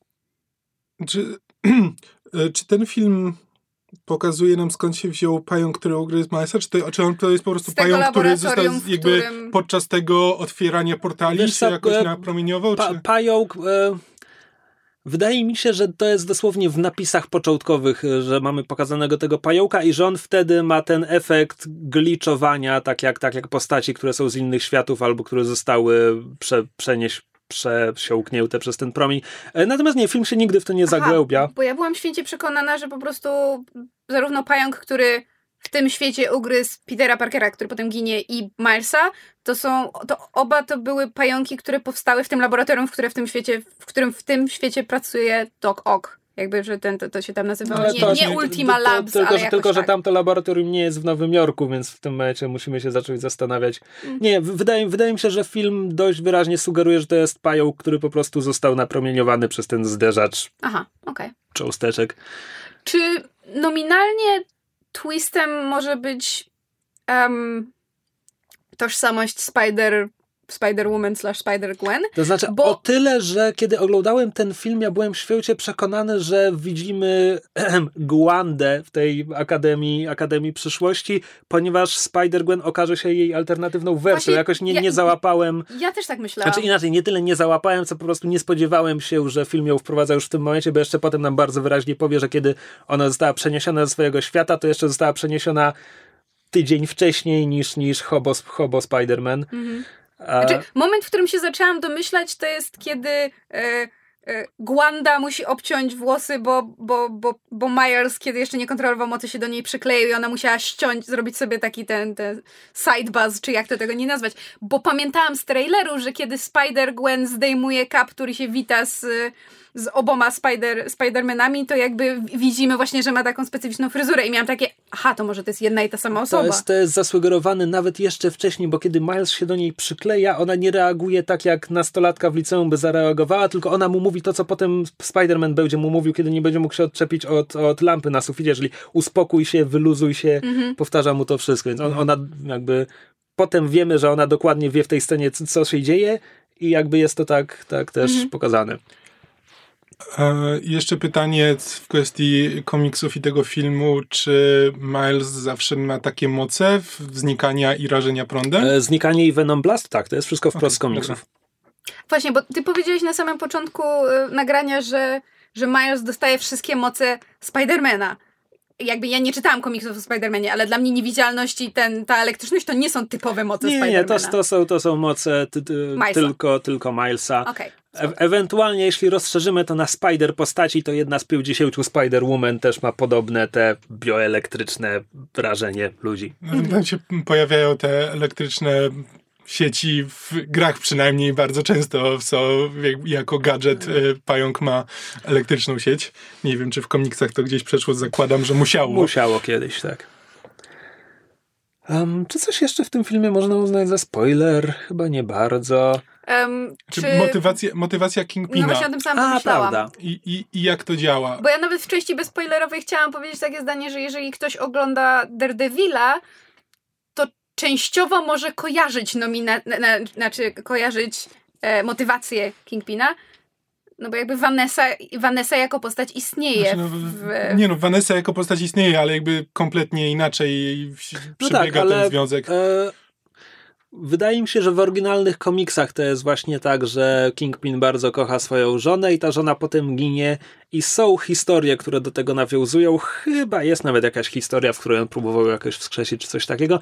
Ten ich syn, ja też go kojarzę jako funkcjonującą postać. Wydaje mi się, że właśnie w animowanym Spider-Manie z lat 90 on się pojawia i że tam jest jakiś trochę Może. podobny wątek, ale teraz mogę sobie znaczy, nadpisywać wspomnienia. Po prostu wyraźnie, wydaje mi się, że motywacja Kingpina jest stosunkowo łatwo um, łatwo jest na nie wpaść w momencie, kiedy ktoś oglądał e, jakby mówię na swoim przykładzie, no bo ja jakby nie czytałam o komiksów, komiksów o Spider-Manie, niewiele wiem o tej postaci poza taką jakby podstawową popkulturową wiedzę, którą wyniosłam z filmów i, i, i właśnie jakby wchłaniania popkultury całą sobą.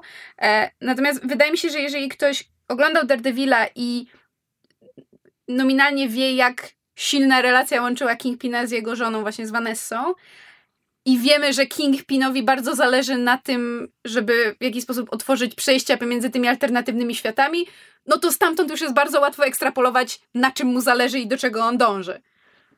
Znaczy, e, w sensie, że chce sprowadzić znaczy, kopię. W, w tym momencie to, to jaką relację ma Kingpin z Vanessą w, w Daredevilu niewiele, niewiele do, dla mnie wprowadza do tego filmu. No jakby widzimy człowieka, który ma żonę i ma z nią dziecko, nie, nie potrzeba żadnych dodatkowych bodźców, żeby wiedzieć, że to jest silna relacja. Znaczy, wydaje mi się, że mysz e... mówi po prostu o antycypowaniu tej motywacji, no bo ona mm. w filmie zostaje wyłożona w połowie, w okolicach włamu do, do laboratorium. No.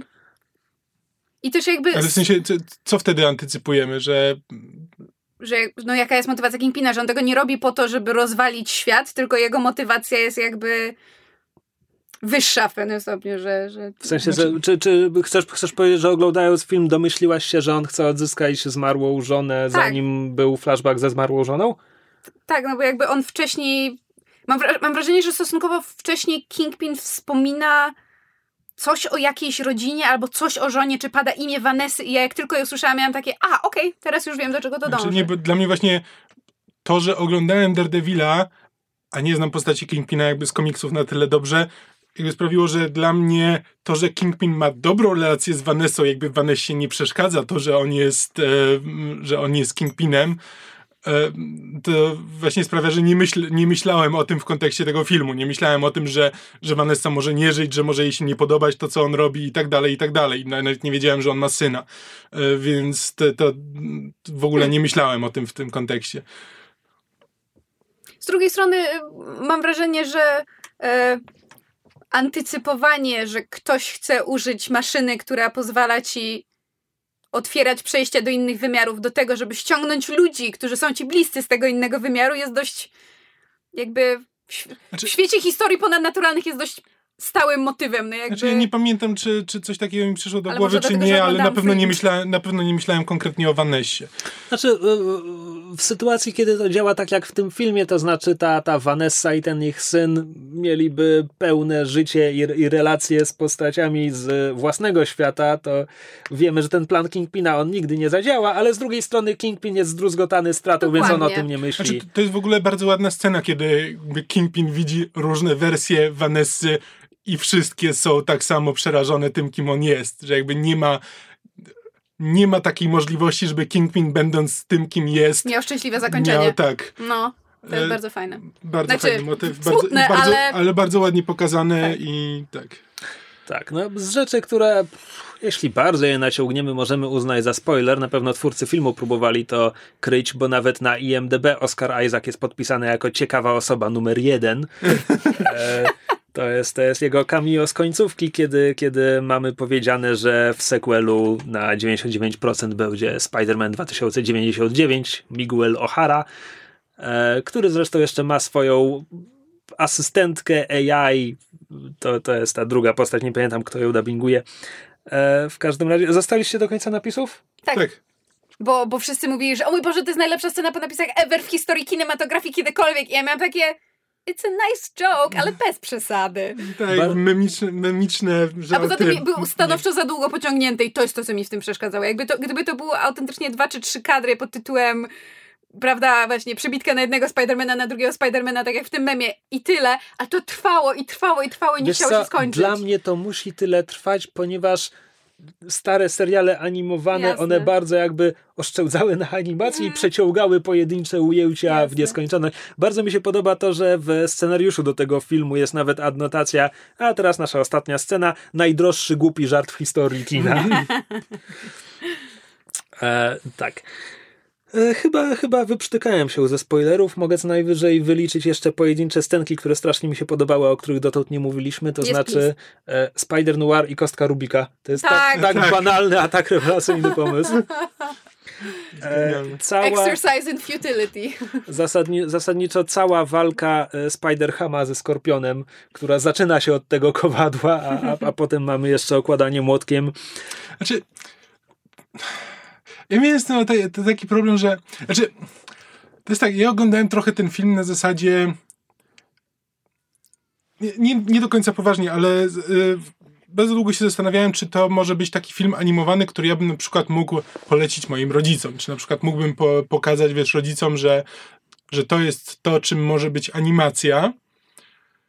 I jakby jedna z rzeczy, jakby jest dużo rzeczy, dla których nie, nie, nie poleciłbym im tego. Głównie to, że jednak trzeba wiedzieć trochę więcej o Spider że Spider-Man musi coś dla ciebie znaczyć, żeby ten film dla ciebie, yy, dla ciebie dużo znaczył.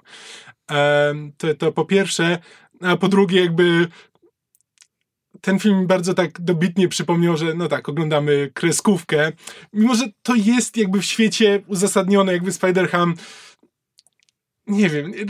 Nie, nie, się... nie rozumiem twojego problemu. Spider-Ham jest kreskówką, ale tak. inne postaci w filmie reagują na niego jak na kreskówkę. To, to nie jest dla nich normalne. E, tak. Plus mówisz, Spider-Man musi coś dla ciebie znaczyć. Kamil, twój, twój tata robił tłumaczenie do Spidermana, był Blade'em w tym serialu. Myślę, że Spiderman coś dla niego znaczy. Okej, okay, tego nie wiedziałam o swoim teściu. Nie miałeś pojęcia, że twój teść był Blade'em w dwóch odcinkach animowanego Spidermana z lat 90? Nie miałam zielonego pojęcia. Blade, łowca wampirów. A, see? A, a, a. E, nie, to, nie, to nie tak brzmiało. Nie, nie wiem czemu, znaczy to...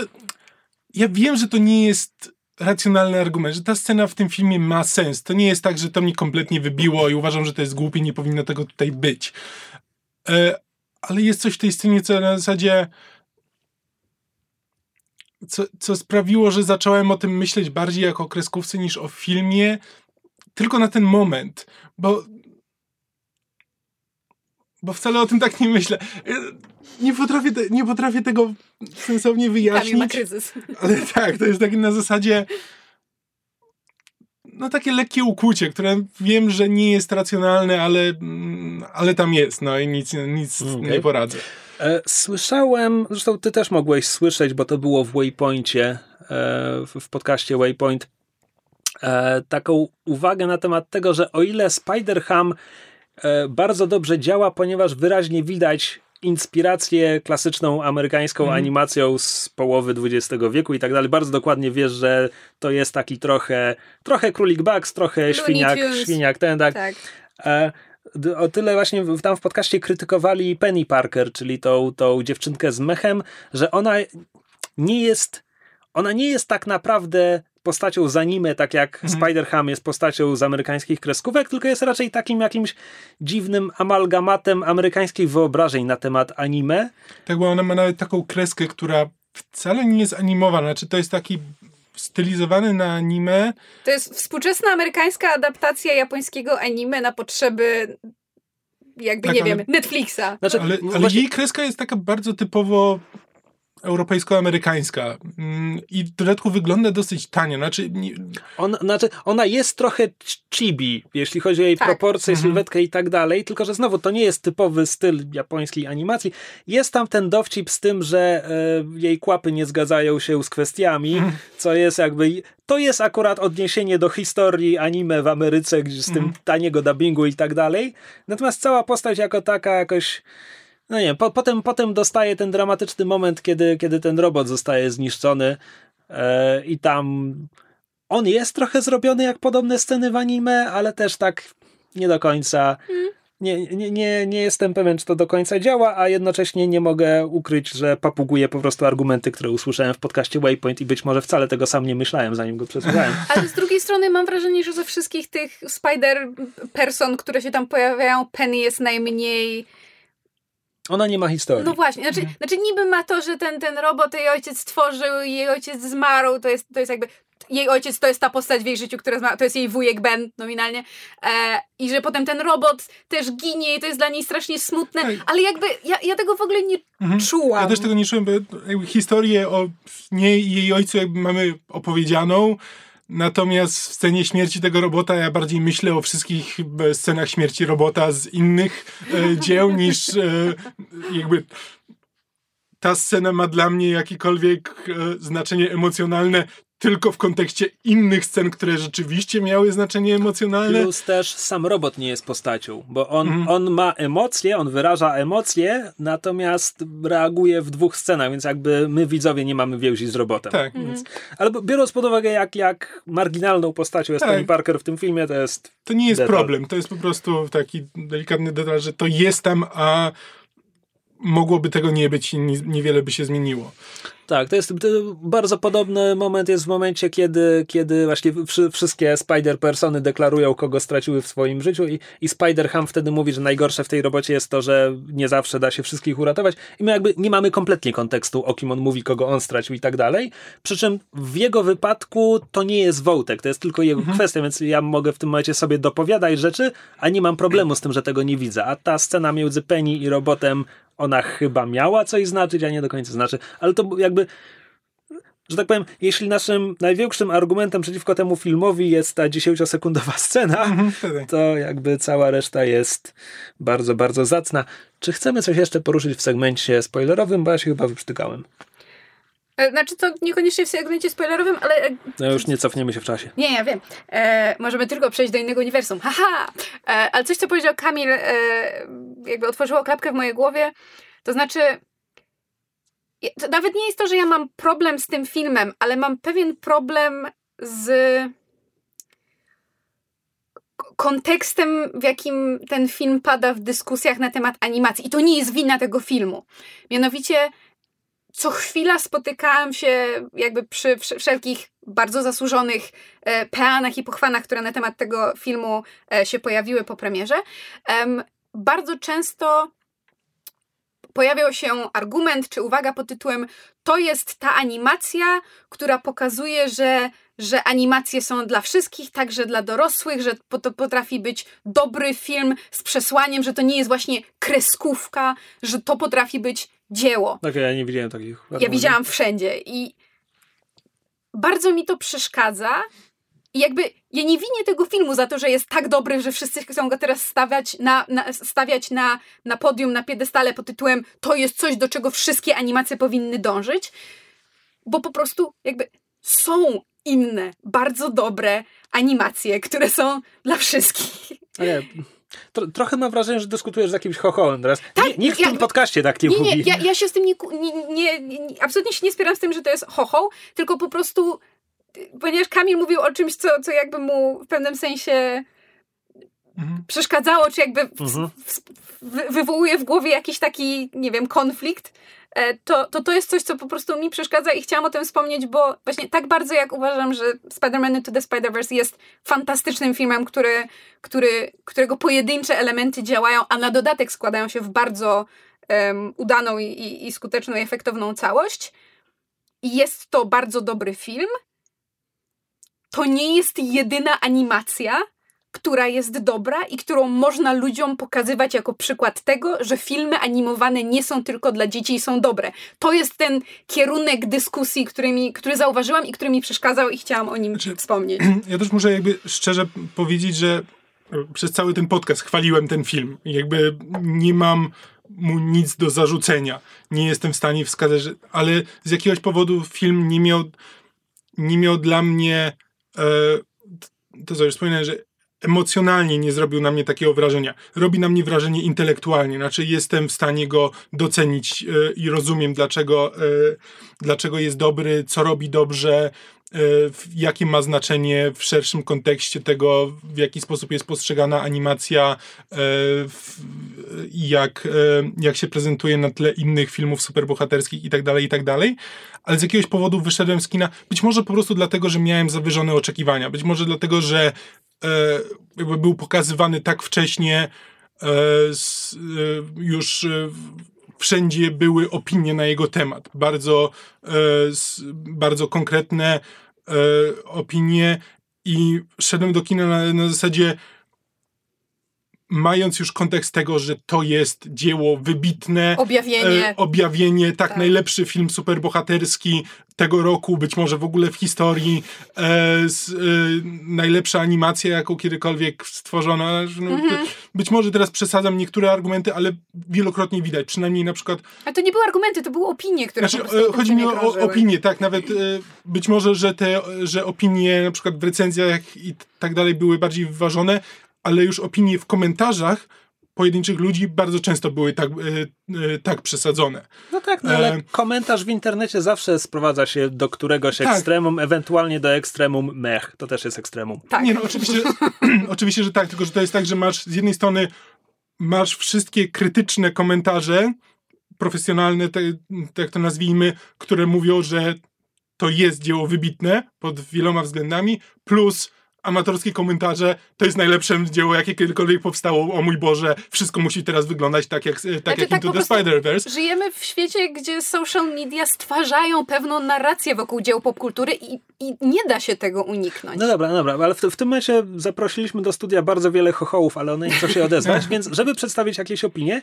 to z tych, które ty przy, przykładowo wymieniłeś, Kamil, ja podzielam dwie. To znaczy jeśli chodzi o animację, nigdy nie widziałem filmu animowanego, który tak by wyglądał. I moim zdaniem to jest rewolucja w animacji. Przy mm. czym ja nie mówię, że chcę, żeby teraz wszystkie filmy no animowane no zaczęły tak wyglądać, bo jakby Spider-Verse mhm. jest świetny przez to, jak bardzo jest odmienny od wszystkich innych tak. filmów animowanych.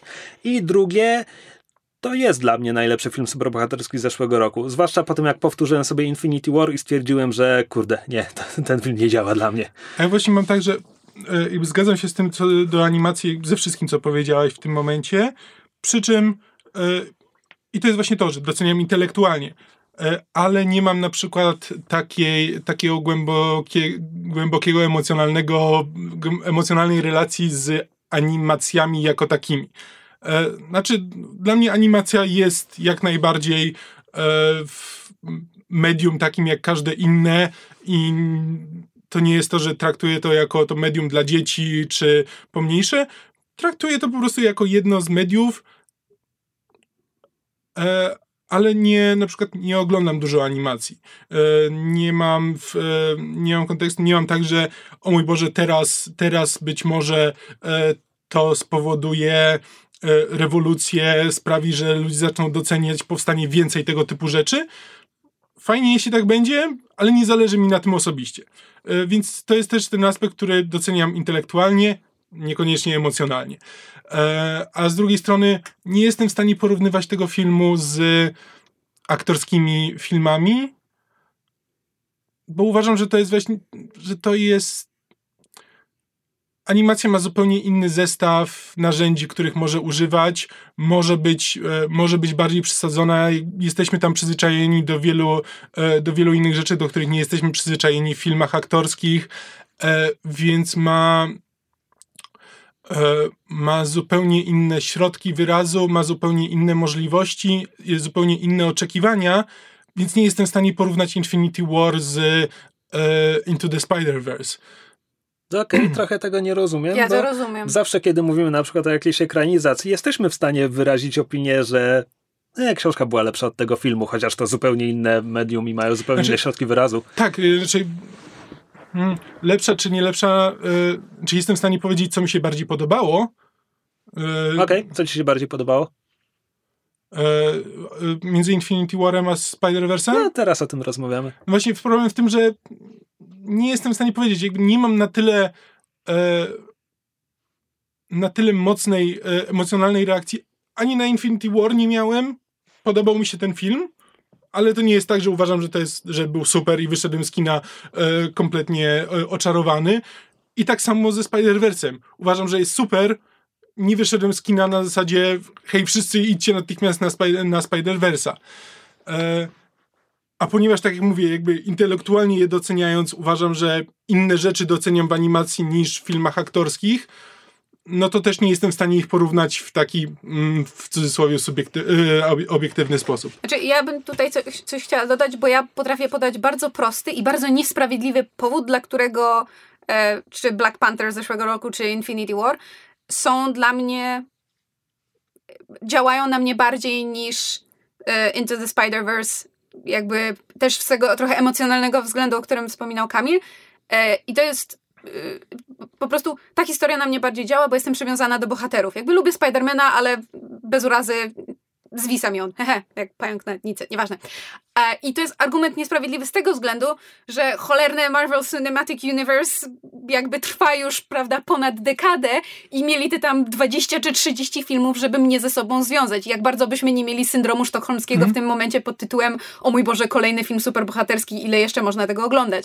Jakby po prostu dla mnie um, prawda, sceny, w których e, dzieją się rzeczy bohaterom Infinity War. Nieważne, że to jest 30 film z rzędu i że już jestem trochę, mam, mam dosyć tych filmów superbohaterskich, ale ja z tymi postaciami żyję od tej ponad dekady, jestem z nimi emocjonalnie związana, z tymi aktorami także.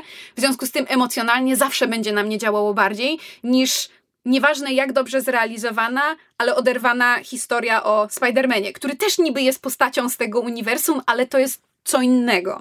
MCU chyba jeszcze nie, nie dobiło nawet do 20 filmów. Natomiast absolutnie nie mam zamiaru dyskutować z twoimi emocjami, jakby są twoje i tak dalej, e, ale jakby good save, w, części, w części niespoilerowej dyskutowaliśmy sobie na przykład o arkach w tym filmie, łukach fabularnych, o tym jak wątki postaci się splatają, jak historia Milesa koresponduje z historią Petera J. Parkera i tak dalej, i tak dalej. Okej, okay powtórzcie sobie Infinity War i spójrzcie na ten film w ten sposób, próbując go rozłożyć. Ale, tam nie ma arków, tam... Ale to nie o to chodzi. To jest, to jest różnica między tym, co Kamil powiedział na temat e, no intelektualnie, emocjonalnie. Jasne, podejrzewam, że teraz, gdybym obejrzała Infinity War w momencie, kiedy nie ma już zaskoczenia pod tytułem e, co się dzieje, e, komu się dzieją złe rzeczy, jakie są tego efekty i tak dalej, ten film by na, nie zadziałał na mnie tak, tak emocjonalnie jak e, za pierwszym razem.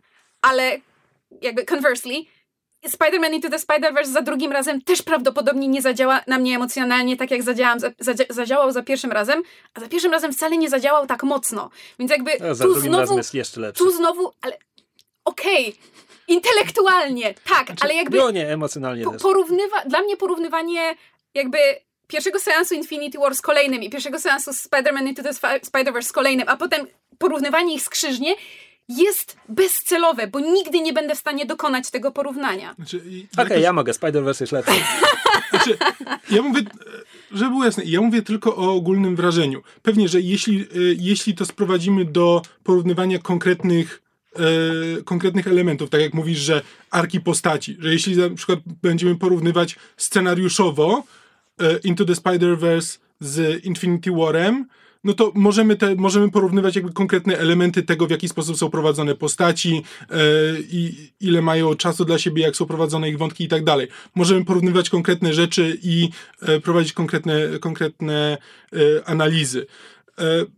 Natomiast mi chodzi tylko i wyłącznie o ogólne wrażenie. Po prostu o to, z jakim wrażeniem wyszedłem z kina. Dlatego nie chcę się z nikim kłócić ani tutaj, ani w, później w komentarzach, że e, czy Spider-Man był dobry, czy nie, bo był dobry, był świetny. E, s, co więcej, był ważny. Jakby wszystko rozumiem, wszystkie argumenty rozumiem, podzielam. E, ten podcast jest na, to, jest na to dowodem, bo rozmawiamy o nim od półtorej godziny i mam, do, mam o nim do powiedzenia same dobre rzeczy. Natomiast mówię tylko i wyłącznie o jakiejś wypadkowej, która, y, która sprawia, że y, jak wychodzę z kina i czy mam wrażenie takie, że o mój Boże, chcę to obejrzeć jeszcze raz na, jak najszybciej, czy, czy po prostu wychodzę z kina, tak, to był bardzo dobry film. Y, i to jest coś, z czym po prostu no, nie chcę o tym dyskutować, no bo nie ma z czym dyskutować. To jest tylko, to jest tylko moje wrażenie, które mogło być spowodowane nawet tym, że byłem niewyspany tego dnia. Nie wiem, czy byłem niewyspany, nie jest pamiętam, ale, ale jest po prostu jest dużo różnych efektów, które mogły na to wpłynąć, które nawet nie muszą być związane z filmem. Mm i tylko i wyłącznie o tym mówię. Jasne. To jakby to, to, jest, to jest dyskusja, którą ja zacząłem ciągnąć, no bo jeśli dobrze rozumiem, jako jedyny przy tym mikrofonie widziałem dwa razy nie tylko mhm. Spider-Verse, ale i Infinity War, prawda? Tak. Właśnie w okresie świątecznym pisałem o tym na fanpage'u, zrobiłem sobie powtórkę z Infinity War i mam wrażenie, że z całego MCU chyba żaden film przy tym drugim seansie tak bardzo nie stracił w moich oczach jak, jak Infinity War. Nigdy nie zrobiłem drugiego seansu Ant-Mana, bo zacząłem oglądać stwierdziłem, że mi się nie chce. Widzisz? No dobrze, aha, w sensie, że to jest jeszcze gorzej niż tak. Infinity War. Okej, okay, ale Infinity War obejrzałem w całości chyba na cztery posiedzenia i byłem mocno zaskoczony, że wysiedziałem na tym w kinie i miałem takie, że kurczę, gdybym, gdybym nie poszedł na to do kina, gdybym za pierwszym razem zaczął to sobie oglądać w domu, chyba nie ma mowy, żebym obejrzał to za jednym razem. Ten film jest tak absurdalnie długi e, i niestety też się trochę dłuży i to jest tak jakby MCU, jednym z największych problemów MCU są sceny akcji, to znaczy one nie są szczególnie, nie ma w nich inwencji, poza paroma fajnymi wyjątkami, a Infinity War poza scenami akcji nie oferuje wiele. Tak, ale tutaj wracamy do tego, co Kamil mówił a propos różnic medium.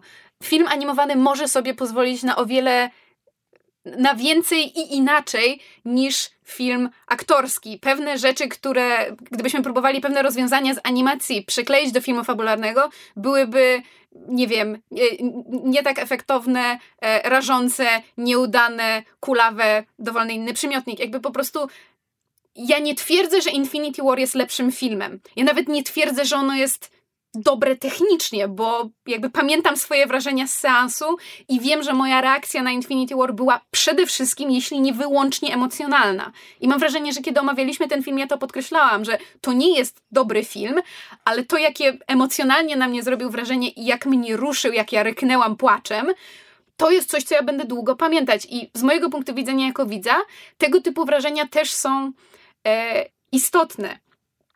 Więc jakby po prostu nie jestem w stanie porównywać ani technicznie, ani emocjonalnie e, filmów Marvela i Spider-Man Into the Spider-Verse, bo to jest to, to słynne apples and oranges. Tak, oba to są owoce, ale to są jabłka i pomarańcze. Jakby każdy ma zupełnie inne... Mhm.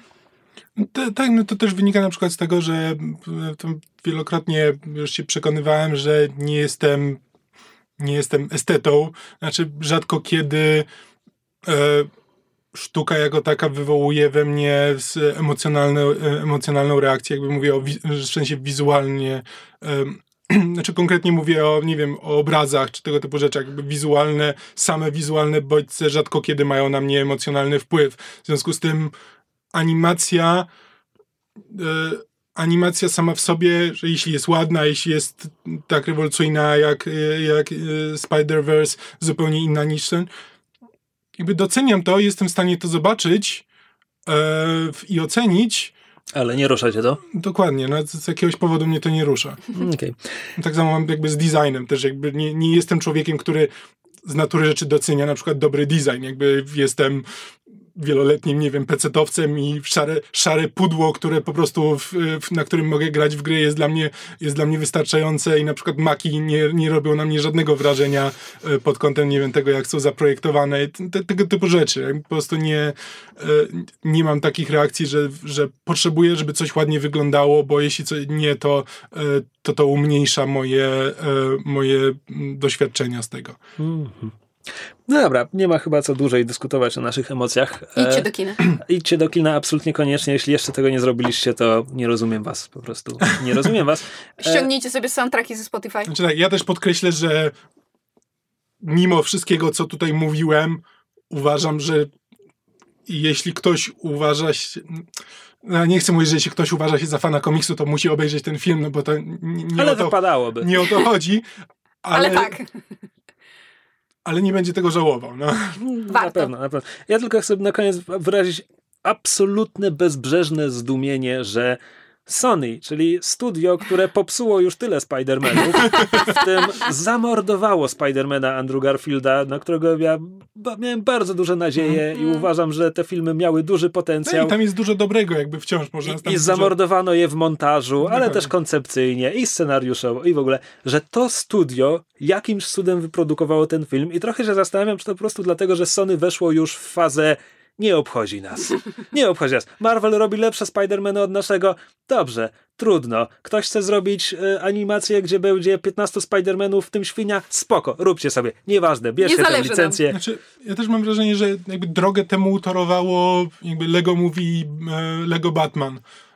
To bez, pewno. bez tych dwóch filmów nie wiem, czy Spider-Verse by, nie, by powstało, bo to jakby oba te filmy pokazały, jakby były kierowane do dzieci, ewidentnie. Znaczy, nie, nie, będę mówił o Lego Batmanie, bo nie widziałem go. Jakby znam tylko tak mniej więcej przez osmozę, ale nie widziałem go e, w całości. Ogląda, ale oglądałem Lego Movie i to jest film skierowany do dzieci, jakby przede wszystkim. To jest taki film, o którym możemy powiedzieć, że e, dorosły też coś dla siebie znajdzie, ale ewidentnie to jest film dla dzieci. Ale właśnie, ale oba te filmy i później y, jakby Lego Movie miało dużo fanów dorosłych.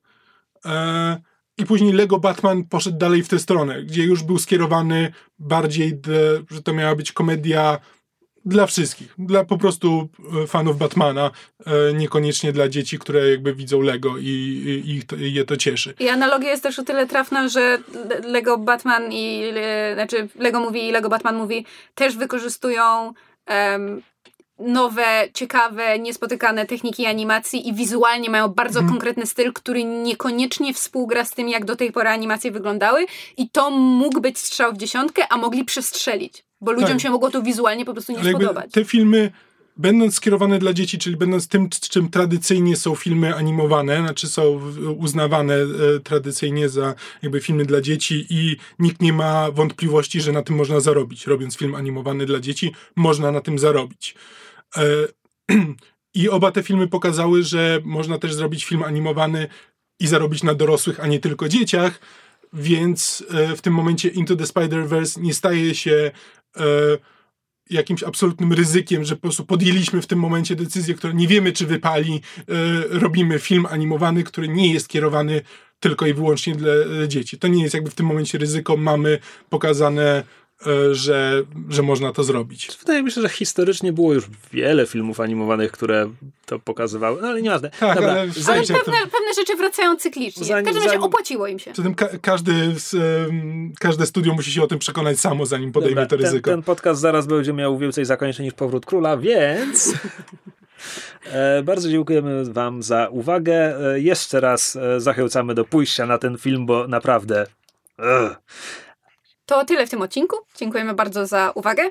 Jak zwykle zachęcamy do e, zostawiania e, komentarzy i kontaktowania się z nami. Możecie to robić pod tym odcinkiem na YouTubie podsłuchane.pl.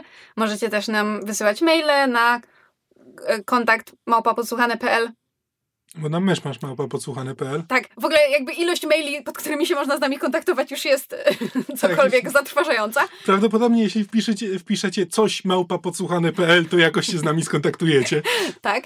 E, oczywiście zawsze możecie nas znaleźć też na e, fanpage'u podsłuchane.pl albo na fanpage'u Myszmasza i, i pod myszmaszowymi mailami i kontem na e, Twitterze. E, jeśli chcecie też sprawdzić inne e, e, twórczości, e, które wspólnie robimy, to bardzo zachęcamy do posłuchania sesji na podsłuchu, w ramach której stworzyliśmy własny świat Ghostpunk i tam Krzyś nam prowadzi sesję w RPG, która jest bardzo fajna. Bardzo też zachęcamy do słuchania nas przez Spotify. Jeżeli do tej pory tego nie robiliście, Spotify jest o wiele sprytniejsze pod tym względem niż YouTube. Możecie też sobie zainstalować wtyczkę do Chroma, która Was będzie e, poinformowywać o tym, że są nowe odcinki posłuchane.pl. Możecie ją sobie zainstalować u nas na stronie posłuchane.pl. Dodajecie wtyczkę do Chroma, ale wtedy dostajecie powiadomienia, po prostu wyskakuje Wam okienko jakby na pulpicie, które informuje Was, że jest nowy odcinek, więc to jest przydatne. Tak, więc nigdy nie zapomnijcie, że jest nowy odcinek. I to tyle.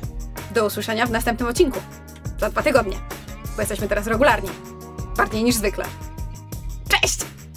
Twip, twip.